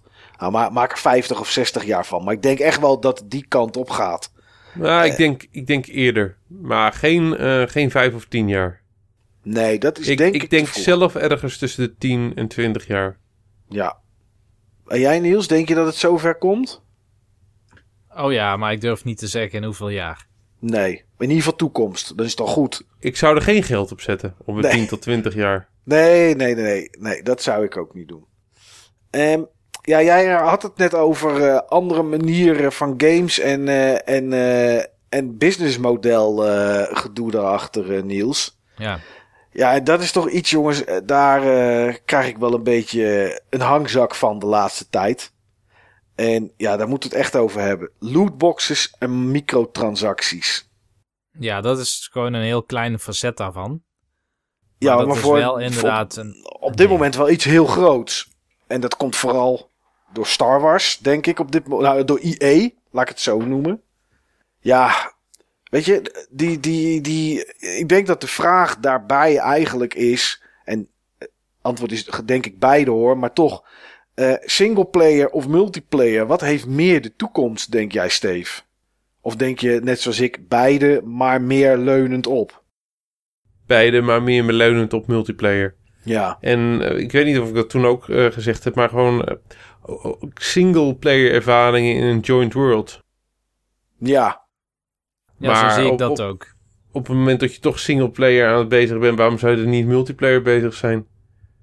Kijk, Ja. naar, kijk naar wat jullie doen, zeg maar, met, eh, eh, met, die, eh, met die From games. Dat zijn in principe gewoon single-player games.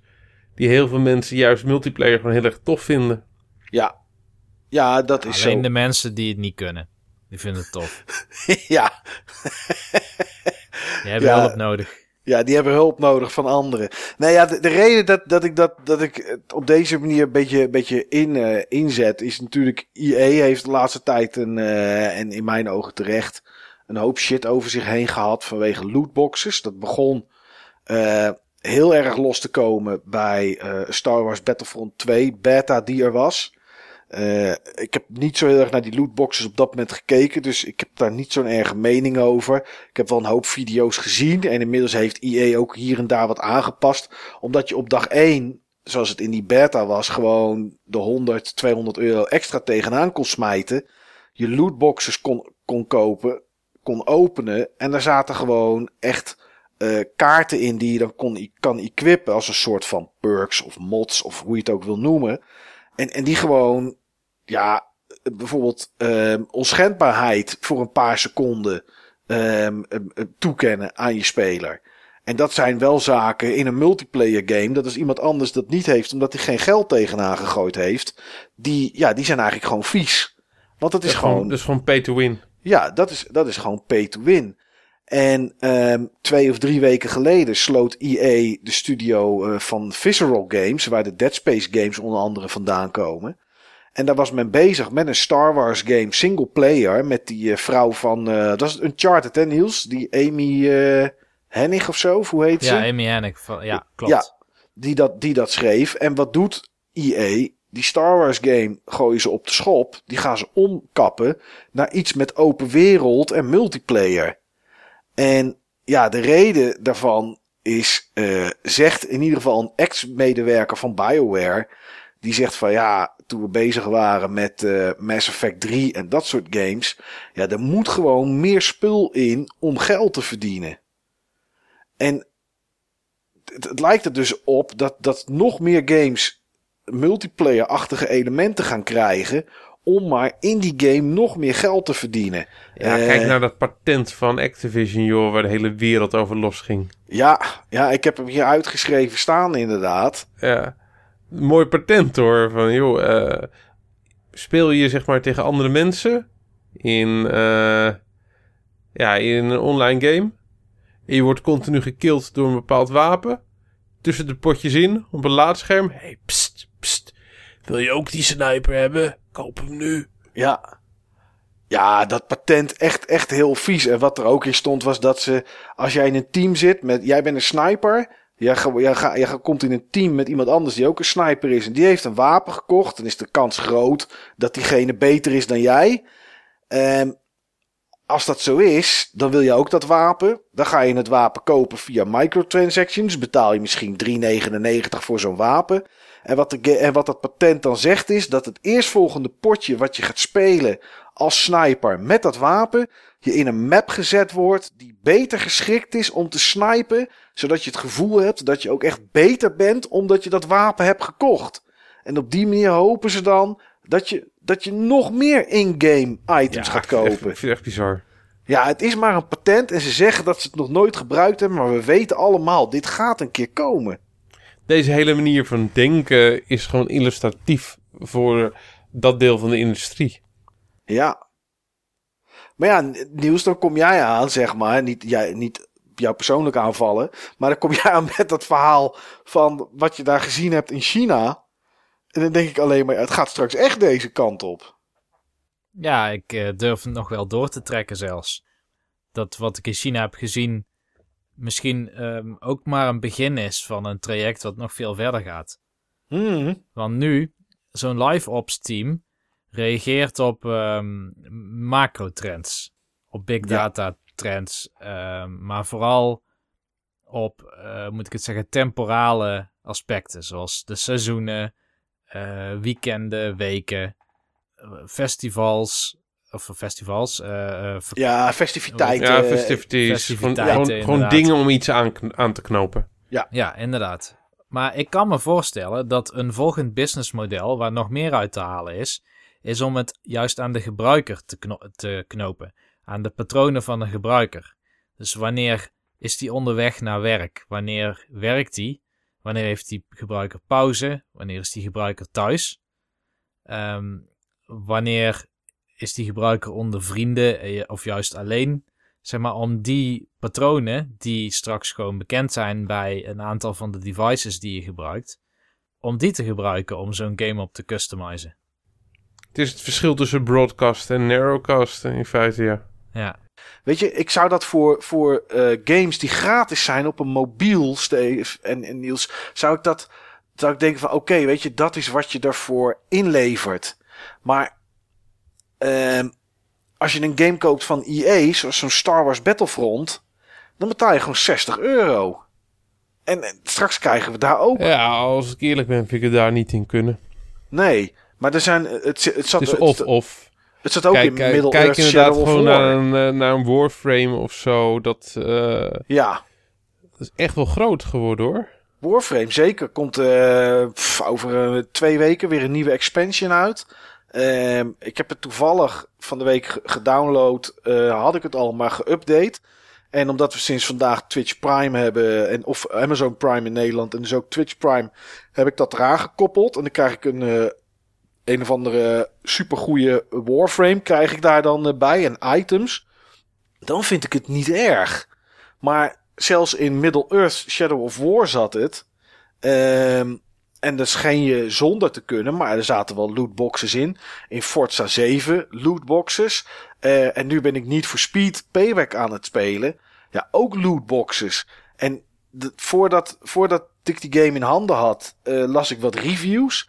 En er was gewoon iemand die zei van, eh, ja, die gaf het een 8. Ik snapte, ik snapte die beredenering niet, maar die gaven de game een 8. Maar die zeiden er wel bij van, ja, we hadden wel de deluxe edition gekregen van EA. Die kost 100 dollar. En daar zitten zoveel in-game currency dan bij en lootboxes. Dat je progressie eigenlijk wel vloeiend verloopt. Maar als dat er niet in zou zitten, als we dat niet zouden hebben, dan zou je best wel wat moeten grinden om lootboxes te kunnen kopen om verder te komen. Ik weet niet precies wat er in die lootboxes zit. Zover ben ik nog niet in Need for Speed. Maar dat gewoon ja, je progressie in de game een beetje tegengehouden wordt omdat je geen lootboxes hebt. En geen microtransactions doet. Dat, is, dat kan toch niet, joh? Als dat de toekomst is, man. Ja, dat maakt het snel minder leuk. Ja, ja, dus ik snap wel. Ik weet niet, eh jullie hebben vast die plaatjes misschien ook wel voorbij zien komen. Dat dit jaar, zeg maar, vooral, nou alles was een beetje op, op het kookpunt rond, rond die Star Wars Battlefront. Dat er mensen, eh, eh, ja, ontwikkelaars en, en developers dankbaar zijn voor singleplayer games. Zoals een Breath of the Wild, zoals een Neo, eh, een Resident Evil, een Wolfenstein 2, een Evil Within 2. Mensen zijn gewoon dankbaar. En dat slaat nergens op. Maar het is wel zo dat er gewoon single-player games zijn waar gewoon geen fratsen in zitten. Ik moet er toch niet aan denken, Niels, dat straks bij God of War dat je voor een, een speciale finishing move een lootbox moet gaan kopen, man. Nee, dat is verschrikkelijk. Wat interessant is, is dat eh OpenCritic, Ja, dat is ook zo'n eh, zo'n review-aggregaat, die gaat vermelden, dacht ik, gelezen te hebben, wanneer er in een spel lootboxes zitten. Of in ieder geval die lootbox mechanics. Goed zo. ja. Maar ja, als EA en ik, en ik ga ervan uit dat die een hoop, ehm, een hoop research daar naartoe hebben gedaan, daar, daarna hebben gedaan. Hun, hun Star Wars game gaan omkappen naar iets wat meer open wereld is. eh, en waar dit soort lootbox systemen ook in kunnen komen, zodat er meer geld te verdienen is. Ja, dan vrees ik dat we er straks niet meer onderuit komen. Dan, dan moeten we straks echt alleen nog maar naar indie games, eh Steve. Dat zou toch wat zijn? Ja, misschien worden de indie games zowel ehm, die double-A-games van, eh, van Niels. Ja, dat het die double A's worden en die triple en die, en die quadruple A's worden dan games met lootboxes en microtransactions. Ja, ik vind, het, ik vind het echt bizar. Ik hoop echt niet dat dit de toekomst wordt, maar ik vrees het gewoon van wel. Als je kijkt naar de games van de laatste maanden, eh, bijna alles heeft, alle grote games hebben dit soort systemen erin zitten. Zelfs Shadow of War. Waarom? Ja. Ja, dat is wel echt een duidelijke trend. Ja.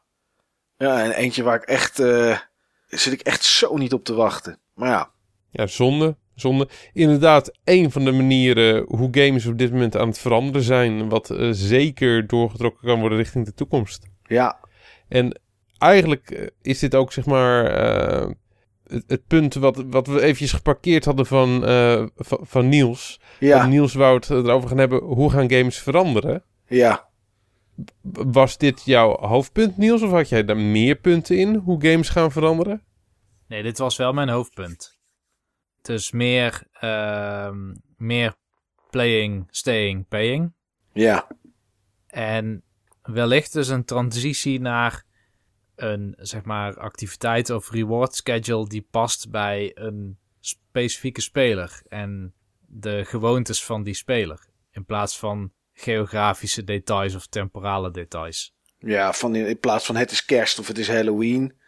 Ja. Eh, hey, het is donderdagavond. 9 van de 10 keer zit hij dan ons spel te spelen. Dus dat zal hij vanavond ook wel doen. Weet je wat? We sturen diegene een push notificatie of een mailtje. Van hey, vanavond speciaal en alleen voor jou. Eh, dubbele XP of eh, anderhalf keer zoveel coins als je speelt. Ja. Of, we geven hem, of we geven hem wat hij wil en wat hij leuk vindt. Want dan gaat hij nog meer uitgeven. Ja, dat kan natuurlijk ook. Een beetje als het bonuskaartsysteem van de Albert Heijn. Die kijkt gewoon naar, eh, naar eh, welke, welke producten je koopt. En, ehm, en kan dan je bonus erop aanpassen. Of ik weet niet of Albert Heijn het heeft. De macro heeft het in ieder geval. Ja, eh, Albert Heijn heeft ook persoonlijke Ja. bonus. Ja, het, het- Je hebt bij, bij Al- Albert Heijn heb je naast de algemene bonus ook gewoon de persoonlijke bonus. Ja, precies. Ik had het de tijd van, van de macro. Daar kreeg ik daar mails van. Ik heb ik op een gegeven moment maar uitgezet. Want dan kreeg ik elke keer kreeg ik mails op vrijdag. Speciaal voor jou in de aanbieding. Er was altijd iets met bier en met bitterballen. En eh, dus dat was, dat was persoonlijk op mij toegespitst. Ja, dacht ik drink van- nooit bier. Als goed. grote bierdrinker, hè? Ja, nee, ja, die passen dan misschien bij die bitterballen. Ik weet het niet. Maar eh, ik kreeg altijd dat. Ik kreeg nooit een krop sla of een, of een doos wortelen die in de aanbieding was. Maar ja, ja, het gaat wel die kant op, denk ik, jongens. Maar had jij nog iets anders, Steve, met hoe games eh, gaan veranderen? Ik, eh, ik, ik had die vraag mezelf wel gesteld. Ja, Maar eigenlijk kwam ik niet zo heel erg, ehm, erg ver eh, op, op, op die vraag. nee. Ehm, mijn, mijn conclusie was zeer geleidelijk en more of the same. Hmm. Ik vind het wel een interessante vraag. Of, of hoe gaan games veranderen? Ik denk. Ik, ik denk in de basis dat het heel lang blijft zoals het nu is. Ehm, reden daarvoor is bijvoorbeeld Super Mario Odyssey. Die binnen drie dagen 2 miljoen keer verkoopt. Terwijl er maar 7 miljoen Switches in het veld zijn. En Destiny 2 die volgens mij eh, bizar goed is verkocht. Volgens mij eh, hadden ze een miljoen spelers of zo binnen, weet ik veel, binnen 24 uur of zoiets. Geloof dat het, dat soort cijfers voorbij, eh, Ja. voorbij heb zien komen. Maar het ging wel rapi- rapide wel eh, minder. Ja, dat wel. Maar weet je, die, die beginspurt, die is er wel. Eh, Ik geloof wel dat Destiny 2 minder goed heeft verkocht dan Destiny 1. ja, dat denk ik. Dat, volgens mij. Ja, ik weet. Nee, dan ga ik gissen. Dan ga ik gissen. Dat, ik weet niet meer. Ik heb er wel iets over gelezen, maar dat durf ik niet meer, durf ik niet meer te zeggen. Ja, ook, weet je, ik ben ook benieuwd bijvoorbeeld naar de verkoopcijfers van een Wolfenstein 2. Omdat ik iedereen die ik ken en die de game gekocht heeft, er helemaal lyrisch over is. En het is echt een geweldige game. En ik ook om me heen meer mensen hoor die dat gekocht hebben, bijvoorbeeld dan een Assassin's Creed Origins. Komt misschien ook omdat het op dezelfde dag uitkomt.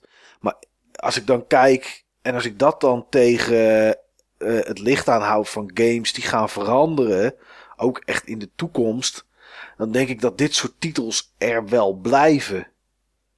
Ik weet het niet, ik vind dat wel een moeilijk hoor, hé Niels. Oh ja, zeker. Er is nou wel een andere trend waarvan ik me afvraag of dat die wel of niet invloed gaat hebben op, eh, op games. En die trend die is, die, die heb ik gelezen, eh, ik denk twee jaar geleden in een krant, ook in het vliegtuig, was een, eh, een eh, krant uit New York. Daar stond in dat eh, Google bezig is op dit moment met ehm, wanneer internet zoals we het nu kennen, zeg maar, afgelopen is. En internet zoals we nu kennen, in de zin van we hebben een browser en daarmee gaan we op zoek naar informatie en die krijgen we dan terug van die browser. Ja, Google is nu heel erg, net als bijvoorbeeld eh, Facebook, maar ook ehm, Tencent, eh, Apple, aan het inzetten op AI en chatbots. Die eh, jou beter leren kennen en waarin jij op basis van spraak bijvoorbeeld een zoekopdracht kan uitsturen en in een dialoog tot de kwalitatief beste zoekresultaten komt. Voor mijn moeder is dat Google. Ehm, zij heeft een Google widget en een Google app op haar telefoon. Mhm. En ehm, ze weet hoe dat werkt. En, en voor haar is Google een ding waaraan je een vraag stelt.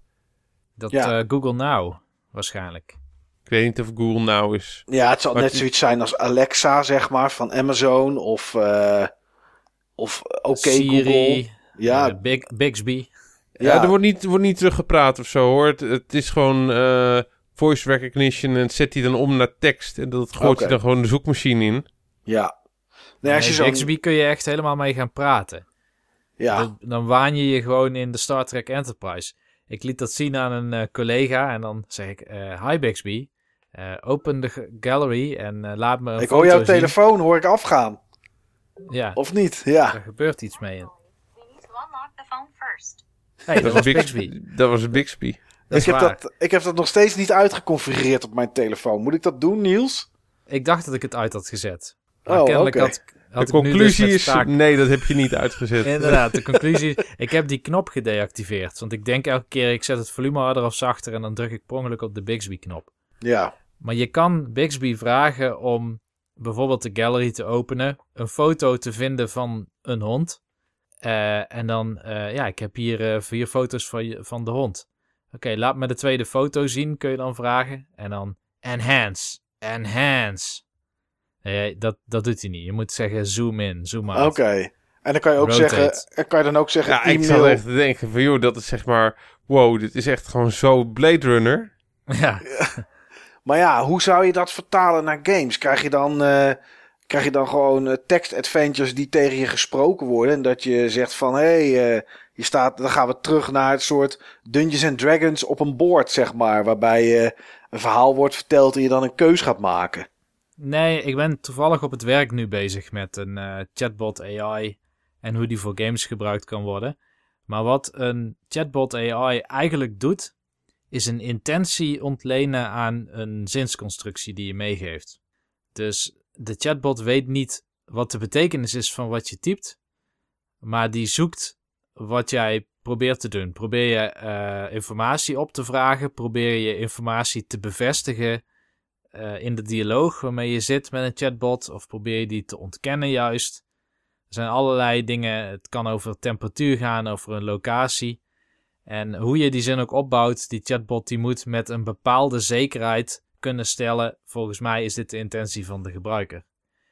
En ik denk wel dat bijvoorbeeld in, in games die we nu kennen, zo Mass Effect, zou je wel een dialoog enorm kunnen verrijken als het niet gaat over vier antwoorden waar je er één van kan kiezen. Nee, als je gewoon zou terug kunnen praten tegen de NPC.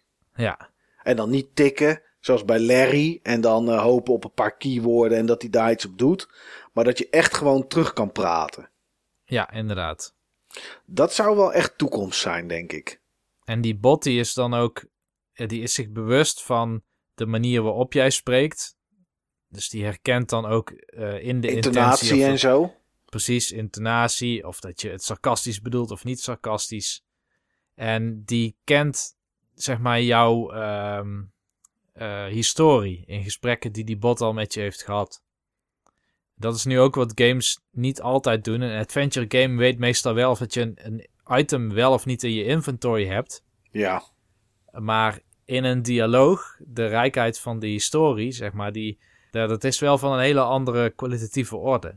Ja, je hebt het nu wel dat als je in een game, eh, bijvoorbeeld heel simpel in Horizon Zero Dawn, als je, die, eh, als je die game speelt, kan je in het begin kan je kiezen of je een steen naar een jongen zijn hoofd gooit of niet. En daar reageert de game dan later een keer op. Maar dat is natuurlijk, dat is heel primitief. Dat is puur of er een eentje of een nulletje staat. Ja. Met ik speel Ja, dat, deze. dat zijn gewoon paden. Ja, Dat precies.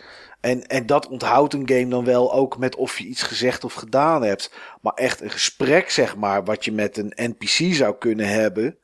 Dat zou, dat zou Vele wel- malen complexer, veel meer levend. Ja, Veel meer dat- levend. Bijvoorbeeld stel zo'n AI in een, in een spel weet dat je de laatste tijd slecht slaapt. Ja, En zegt op een gegeven moment, hé, hey, je zegt nu al vier dagen lang dat je slecht hebt geslapen. Waar komt dat nou door? Dat er zo'n wending aan een gesprek wordt gegeven. Dat is niet iets wat jij met heuristieken, zeg maar, even inprogrammeert. Nee. Heuristieken zijn eigenlijk de structuren waarop nu dialogen in RPG's gebouwd worden. Ja. Maar dan gaat het wel ver boven iets van een game, zeg maar. Want als ik, als ik eh, Nino Kuni 18 ga spelen. En ik kan daar tegen, tegen een NPC eh, die zegt van... Hé, hey, hoe is het? Dan ga ik niet zeggen... Oh, ik heb vannacht niet zo goed geslapen... Want eh, er stonden mensen buiten op straat te praten. Ja, ja, misschien ga ik het ook wel doen. Nu ik het hardop zeg... Denk ik van ja, weet je... Als die NPC dan zegt... Oh, dat is vervelend. Dan kon je er dan niks aan doen. Ja, dan, maar dan zit ik straks misschien eerst een 10 minuten een, een, een chit-chat gesprek te hebben. En zegt die, zegt die NPC daarna van... eh, trouwens, ik heb nog iets. Ik heb een quest voor je. Ja, misschien is het ook wel heel gaaf. Ik weet het niet. Wat raar, Niels, als je erover nadenkt. Ja, het wordt heel erg, eh, hoe moet ik het zeggen, tegenovergestelde van immersive. Je wordt heel erg uit de beleving gehaald als zo'n NPC je eigenlijk... Want het hele doel van een NPC in een game is... Het is eigenlijk een, een tekstdispenser. Ja, Er komt gewoon tekst uit en die heeft ooit iemand ergens ingetypt in een Excel-file in vijf talen. En afhankelijk van de taal waarin je het spel speelt, voert hij die dialoog uit. ja. En vaak een, is het met idee... een trigger van een quest waarschijnlijk nog. Of een item dat je krijgt. Maar dat is het. Inderdaad, het is alleen maar bedoeld dat jij als speler de goede kant op gestuurd wordt. Ja, En op het moment dat je vrijblijvend een gesprek aan kan gaan, dan saboteer je eigenlijk als ontwerper de intentie van zo'n NPC. Dus misschien gebeurt het ook wel niet. Of gebeurt het wel, maar veranderen daardoor spellen heel grondig. Ik Of kan het... eh, zegt de NPC, ik mag het hier niet met je over hebben. Ja, maar dan krijg je. Dan, dan, dan gaat hij dat meer zeggen dan een echt gesprek. Kijk, ik zou het wel, maar dat is geen game. Ik zou het wel bijvoorbeeld zoiets als. eh, wij hebben toen eh, die mobiele ervaring, zeg maar. Karen hebben wij natuurlijk gespeeld. Ja. Hè, waarbij je ja, gesprek hebt. Waarbij je een aantal keuzes hebt. Ja, daar voor zoiets zou ik het wel kunnen zien, zeg maar. Maar ja, dan krijg je ook gemekker. Want dan zegt Bianca, zit je nou alweer met dat wijf te praten de hele tijd over wat je vannacht gedroomd hebt. Weet je, want dan ga ik toch uitkiezen met welke NPC ik wel ga praten en welke NPC niet. ja, als, als, als er dan ergens een gast staat eh, met, met een bochel en, en een rugzak op en een glazen oog. Of ergens anders staat een of andere goed uitziende pixelchick. En dan zeg ik tegen die gast met die bochel, geef me die quest maar, ik heb het druk. En dan kom je bij die chick aan en zeg je, oh, Hé, hey, ik heb, schatje, hoe gaat het? Ja, oh, ik heb vannacht over je gedroomd. Oh, vertel eens. Ja, dat... eh, Ja, dat wordt gemonitord en dan staan ze binnen de kortste keren de mannen met de witte jas op de stoep. Ja, die kans is groot inderdaad. Maar dat ze, dat ze meer van je gaan weten en zo. Ik bedoel, ik heb op mijn telefoon heb ik nu aanstaan dat eh, voor Google Maps ben ik zo'n ben ik zo'n guide. Nou, dat kan iedereen gewoon doen. Eh, je maakt ergens een foto en eh, dan vraagt, vraagt je telefoon als je Android hebt eigenlijk bijna al van... hey, je bent nu volgens mij op deze en deze plek. Want ik heb, ik denk ik ga een keer voor de volle beleving, zeg maar, van mijn telefoon. Toen ik die Samsung Galaxy S8 eh, kocht. Ik ga het allemaal aanzetten. Ik ga gewoon zien wat er gebeurt. En ehm, nou, dan zegt Google van... hey, je bent nu bij eh, KFC in Gouda. Eh, wil je je foto's uploaden? Ja, is goed. Upload maar. Maar door dat soort dingen te activeren... zat ik vandaag op de wc... en toen kreeg ik in één keer een bericht van Google... Van, eh, op mijn telefoon van... hey, klopt het dat je vier dagen geleden... bij de Primark bent geweest... in, in het centrum van Enschede? En denk ik, ja... Dat gaat je geen f aan, denk je dan. Nee, en dan dus ik Maar dat weten ze toch al, dus... eh, Tuurlijk. En dus ik klikte daarop. En dan zie ik gewoon een hele tijdlijn met waar ik allemaal geweest ben. En er staat ook gewoon bij of ik met de auto geweest ben, of ik ben wezen lopen en ben wezen fietsen. Dat heb ik toevallig afgelopen week alle drie gedaan. En hij weet het gewoon, afhankelijk van de snelheid waarschijnlijk die je hebt en dat soort Ja. dingen allemaal. Is natuurlijk vrij simpel te berekenen. Ik bedoel, als ik met eh 100 km per uur ga, weten ze dat ik met de auto ben. En eh, ga ik met, eh, met, met 3 km per uur, dan ben ik waarschijnlijk lopend. Maar ze weten elke plek waar je bent en dat soort dingen allemaal. En daar heb ik zelf toestemming voor gegeven, dus ik vind dat ook niet erg. En eh, eh, ondanks dat ik tegen de sleepwet ben, ben ik zoiets van, nou, op mijn telefoon, als die weet waar ik geweest ben, heb ik niet zo heel veel te verbergen. Dus weet je, die informatie vind ik niet zo privé. Dus ik heb dat voor nu aanstaan. Maar ja, als ze dat straks inderdaad in, in een, vooral in mobiele games gaan drukken. Dat, eh, dat ze weten waar je geweest bent en, en, en, je, ja, en wat je aan het doen bent en wat je patronen zijn. En daar eventueel ge- gemonetariseerde eh, shit tegenaan gaan gooien. Of, of, of wat dan ook. Ja, ik weet niet of ik daar met mijn games op zit te wachten hoor, jongens. Hé. Dat vind ik toch wel eh, een tikje te ver. Ja, Mij bekruipt zo net in één keer een herinnering. Doordat je het had over die Galaxy S8. ja, Want Ik heb natuurlijk dit weekend die podcast opnieuw zitten luisteren. ja. En daar zeg ik twee dingen over mobiele telefoons. En ik kijk naar mijn telefoon nu en ik denk, damn. Wat dan? Een van de dingen die ik zei is, eh, ja, maar eh, je krijgt straks allemaal sensoren op de achterkant. Mhm. En die, eh, die meten bijvoorbeeld je hartslag en dergelijke. Ja, en of je zweet. Die zitten er dus allebei op. Ja. En toen ging het over de Kinect. Zou die dan blijven of gaat die weg? Ja, En Steve zei toen van ja, dit is een pril stadium en dat komt terug. Dat komt soms in, in, in cycli. Ja. Het is een tijd ver vooruit. Toen zei ik ja, waarschijnlijk komt het straks in je mobiele telefoon. En de iPhone X heeft de Kinect ingebouwd. Klopt, ik heb hem ook, eh, die, die heb ik ook letterlijk staan. Op mijn aantekeningenlijst. Oh, oké. Ja, wat, heb, wat hebben ze daar dan, dan in zitten? Die Oh, met- gezichtsherkenning. oh, die gezichtsherkenning om je telefoon te unlocken. Ja. Ja, Maar ze doen er natuurlijk meer mee dan alleen eh, dat unlocken. Je kan ook zeg maar die, die poppetjes op die manier animeren. Oh ja, ja je kan eh, een soort, eh, eh, ja, dat een soort layover van je gezicht is en dat je kan praten en dat dat animeert op die manier, toch? Ja, klopt. Dan kan Ja. je op die manier zeg maar een puppy eh, eh, zeg maar emotie geven via jouw trekken. Ja, en daar een filmpje van maken en versturen. dat is een coole toepassing. Ik heb hem in mijn handen gehad in eh, Hongkong.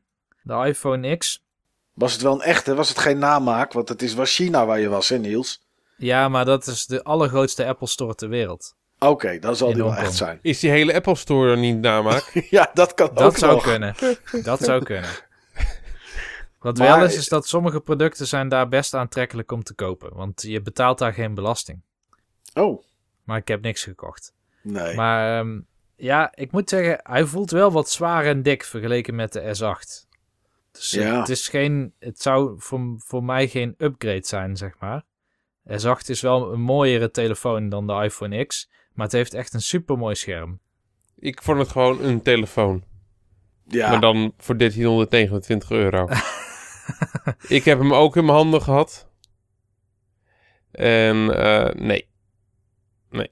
Ik ja, eh, dat- kan het voor mezelf gewoon niet verkopen. Nee, maar dat Ik heb vind altijd, ik ik sowieso heb altijd wel, eh, iPhones, ik heb altijd iPhones gehad. Maar ik heb voor mezelf besloten dat dit het moment is om de Apple bandwagon te gaan verlaten. Wel eerst je orbs uitgeven, hè? Ja, dat weet ik. Dat had je gezegd. Ja, hij, doet, hij doet zijn telefoon waarschijnlijk niet weg, want die kan die dan nog gebruiken natuurlijk. eh. maar dat is nog niet nu toch, Steve? Je gaat nu niet ineens nu een andere telefoon kopen, toch al? Of wel? Nee. Eh, ik ga wel een serieuze stap die richting op, eh, op doen. Ik ga aankomende zaterdag, zaterdag is het 11 november, Singles Day in Azië. Oh, Eh, het Aziatische equivalent van Black Friday. ja. Ehm, ga ik een nieuwe telefoon kopen voor mijn moeder. Want mijn moeder die heeft ook zeg maar sinds anderhalf jaar een smartphone. Iets korter. Eh, en hij wordt, hij wordt te traag. Oké. Dus eh, mijn moeder is eh, ook iets fanatieker aan de smartphone dan ik verwacht had. Ja. Als ik dat geweten had, had ik ook een andere smartphone eh, voor de gefixt dan zeg maar een instappertje van Huawei. En ik ga een Xiaomi Mi 5X voor de kopen. Oh ja. ja. En die hou ik dan eventjes 1, 2 weken zelf. Om te kijken hoe dat bevalt. Zeg maar Android voor het echi. Ja. En op basis daarvan eh, ga ik dan eh, begin volgend jaar zelf een telefoon kopen. En ik zit eigenlijk, ik, eigenlijk heb ik voor mezelf besloten dat ik wil wachten tot de Mi 7 van Xiaomi. Oké. Want dit is, voor je moeder ga je voor de 5. Is de 6 er dan al? De 5, of, eh? 5X. Eh, ja, de 6 is er al. Oh, oké, oké. 5X is geen 5 hoor. De, de, de- ja, ik weet niet precies hoe dat, hoe dat werkt. Die Oh. nummering. Chinese nummering. Chinese nummering. Ja. Maar het zijn echt mooie telefoons hoor. Voor, eh, Zijn het als ook. Je, als je kijkt wat je, voor de, wat je ervoor betaalt, dat is bizar joh. Ja. Ja, dat is zeker. Dat is best, eh, best een mooi product voor dat bedrag. En ik vind dat nog wel een mooie, een mooie tussenvorm. Het is eh, heel erg Apple-achtig design. Ik vind het mooi in ieder geval. Nou ja, dat Ik is... vind die telefoon die jij, ook, eh, die jij hebt, vind ik ook mooi, eh, Niels. Ik heb er wel spijt van dat ik toen niet zeg maar, gebruik gemaakt heb van zo'n inruilactie. Je moet hem niet laten vallen. Ik heb hem al een keer laten vallen. Oh, heb je er geen hoesje om? Nee. Dit is de eerste telefoon, want ik heb ook die S8. Het is de eerste telefoon waar ik een hoesje om heb. En eh omdat, ja, ik weet niet, ik wilde hem toch mooi houden. En elke keer als ik een nieuwe telefoon heb, denk ik, ik moet een hoesje kopen. Dit, eh, beste luisteraars, heeft overigens niks te maken met de toekomst van gamen. Maar wel met de toekomst van mijn telefoon. En eh, elke keer denk ik dan, oh ja, ik moet hoesje kopen. En dat vergeet ik dan een maand of drie, vier. En denk ik, ja, over anderhalf jaar heb ik toch weer een nieuwe. Dus wat eh, maakt mij dat hoesje nou uit? Maar nu had ik vanaf dag één een hoesje eromheen. En daardoor is die wel wat dikker. Maar ik kan hem ook neerzetten. Net zoals met een tablet, zeg maar. En eh, de voorkant is helemaal doorzichtig. je, Ja, kan er ja. gewoon, je kan er gewoon helemaal doorheen kijken. eh, is wel- notificaties en zo. eh. Een goed besluit. Want die S8, die- dat is de op één na meest breekbare telefoon ter wereld. Oh, wat is de meest breekbare? Weet je dat toevallig ook, Steve? Vast wel. Ja, doe maar een gok. Eh, de iPhone X. In één keer goed. Ja, dat dacht ik wel. Te veel glas, denk ik. Te veel glas. Ja. er, is, er is een test, zeg maar, gedaan. Het maakt niet uit van hoe je hem laat vallen. Hij breekt. Hij breekt. Mooi? Hij is wel consequent. Het is een consequent apparaat. Ja, ja, zeker. Maar goed, even terug naar, naar, naar de gaming, jongens. Want we maken ah, in ieder geval mooie en, en leuke uitstapjes. Eh, is er nog iets wat jullie aan willen stippen? Of dat je denkt van, hier moeten we het nog even over hebben? Ik wel, Mike. Eh, Oké. Dat is in ieder geval, dat hoeft niet uitgebreid. Want dan hebben we het eh, zowel langdurig als, eh, als frequent over gehad. Ja. Dat is iets wat ik, ehm, wat ik 3,5 jaar geleden absoluut niet had zien aankomen. Wat niemand had zien aankomen op, op, op deze gigantische schaal. Eh, was absoluut een voorbeeld van ehm, de impact die een game kan hebben. En de schaal waar- waarop, eh, waarop games nu door, eh, door mensen kunnen worden opgepikt. Dat was natuurlijk Pokémon Go. Ja. Als ik naar de toekomst kijk, denk ik dat ik. Maar goed, dat ik niet iets kan verzinnen. dat zo populair was ooit. En dan niet een, een jaar of twee jaar geleden als Pokémon Go. Maar gewoon als. eh, Pokémon als merk was natuurlijk super populair. Bij heel veel mensen uit hun jeugd. die dit natuurlijk nu allemaal gespeeld hebben. En ik, ik zou niet weten wat zo populair is dat het, dat dat nu elk moment weer kan komen. Maar ik weet zeker dat we dat soort perikelen in de toekomst nog wel gaan Ja. krijgen. Ja, het is gewoon, dit is een perfecte storm. Ja. Dit is gewoon eh, 1953. Dat Ja. de optelsom van factoren gewoon zo is van dat er gewoon zeg maar eh, een, ja, iets gigantisch eh, gebeurt. Ja. En ehm, dat gaat met meer dingen ge- eh, eh, gebeuren. Alleen, Zeker. Ik, dat we weet, dat is het mooie. Hiervan weet je nooit wat, wat dat gaat worden en wat dat effect gaat hebben. Nee, nee, het zou heel naïef zijn om te zeggen: zoiets komt er nooit meer. Dat zou echt heel naïef zijn, want zoiets komt er altijd weer. Ja, de pest is alleen dat ik niet weet wat. Want als ik het wel wist, ja, dan, eh, dan konden we rijk worden. wiens aandelen we moesten kopen. Ja, dan konden we rijk worden. Maar dat er ooit weer eens een keer zoiets komt.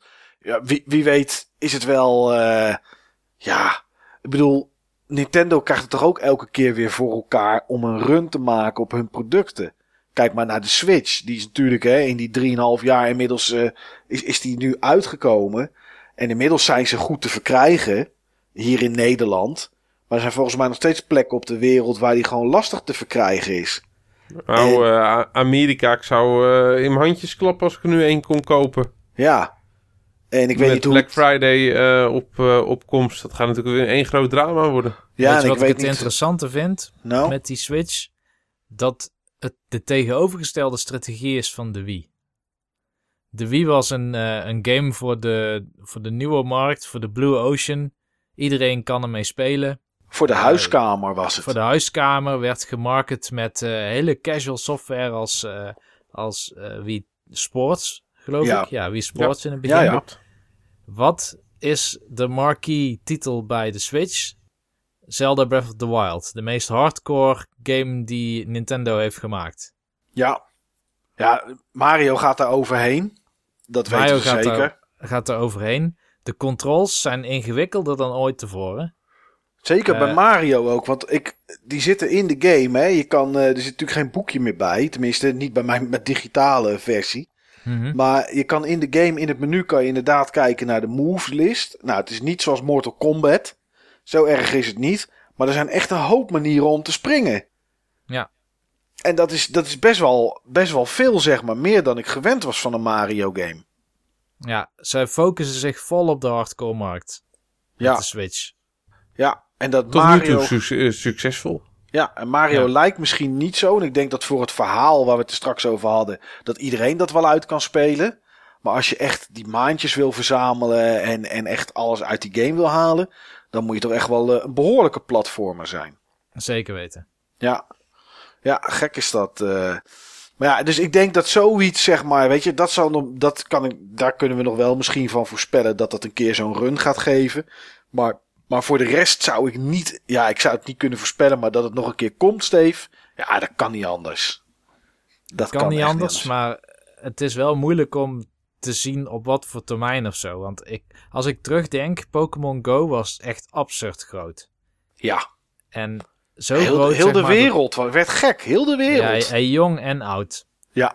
En het leverde allerlei problemen ook voor de maatschappij op. Musea die niet stonden te wachten op mensen die Pokémon gaan zoeken. Dus Kijkduin. kijk daar, er, er, gingen, er werden verkeersborden gemaakt om mensen ergens weg te houden Ja, die Pokémon Go wilden spelen. ja, Mensen die smeekten, smeekten of alsjeblieft zeg maar hun achtertuintje. Sorry. ja. Of ja, die alsjeblieft gewoon zeg maar eh, uit dat systeem gehaald kon worden. ja. En, en Omdat ook, mensen, omdat jongeren maar over hun hekje bleven klimmen. was toch bizar. Mensen die de zee in liepen om daar een Pokémon te vangen. Eh, Terwijl het, terwijl het godsamme min 5 graden was. Eh, ja, in New York zag je natuurlijk al die mensen in dat, in dat, in dat park. eh, zag je van de ene naar de andere kant rennen.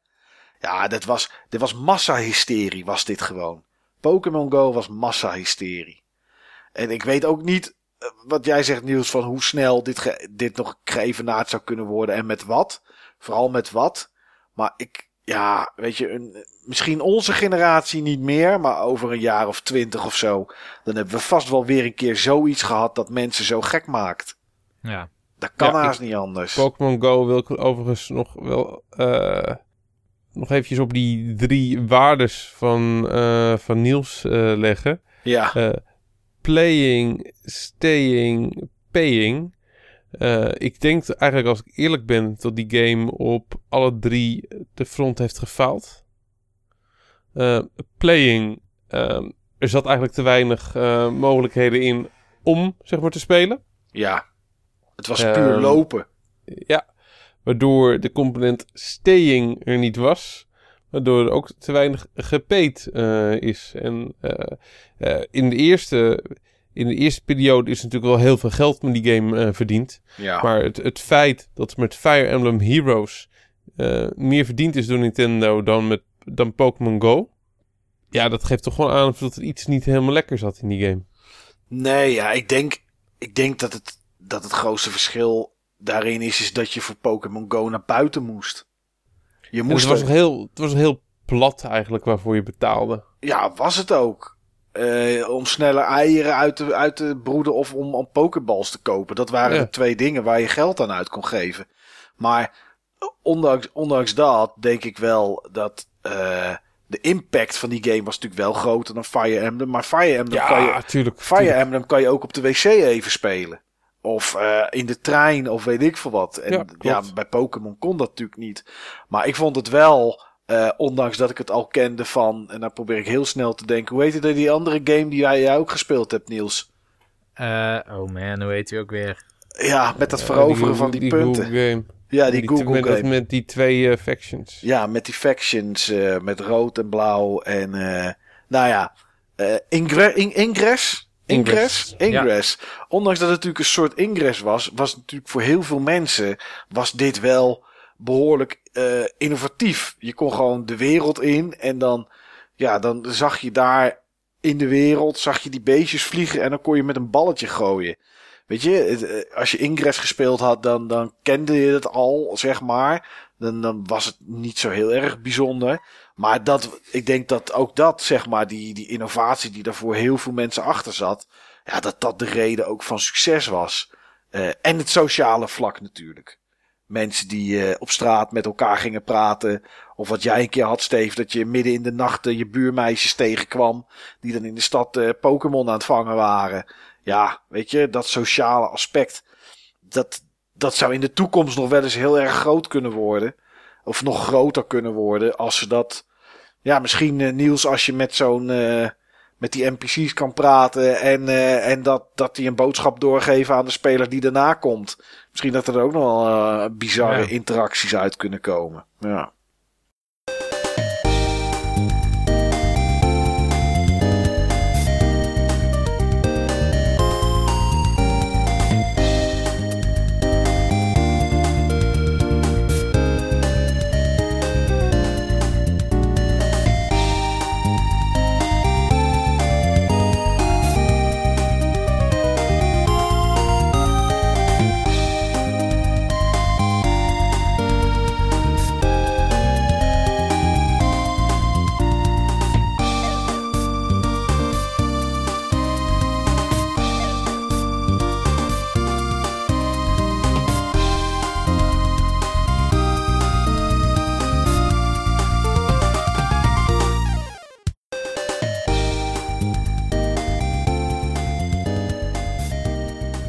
Ja, jongens. De toekomst is. eh, wat, wat is ook weer zo'n eh, zo'n uitspraak of zo'n gezegde? De toekomst is eh, wazig of zo? Of is. is, is Future is now. ja, maar ook cloudy. Ja, misschien wel op meerdere, op meerdere vlakken. Maar ja, dat zal die uit moeten wijzen. Ik ga eens dromen van een NPC-dame die tegen mij gaat praten en gaat vragen hoe ik geslapen heb. Ik vind dat wel een mooie, Niels. Ik, eh, ik denk dat ik, daar wel, eh, dat ik daar wel een paar nachtjes eh, goed over kan dromen. Inspirerende podcast, hè? Ja, op dat vlak zeker weten. Ehm, ja, dit, dit is het, het einde van deze podcast voor ons. Mocht je zelf denken van dit zou iets zijn voor de toekomst. Of hier denk ik dat het naartoe gaat. Nou, eh, waar je deze podcast ook beluistert, eh, laat een comment achter of kom naar het eh, Buttonbashers forum te vinden op www.button-bashers.nl. En eh, nou, dan is dit voor ons de afsluiting van deze afle- aflevering. Eh, heel erg bedankt voor het luisteren en tot de volgende keer.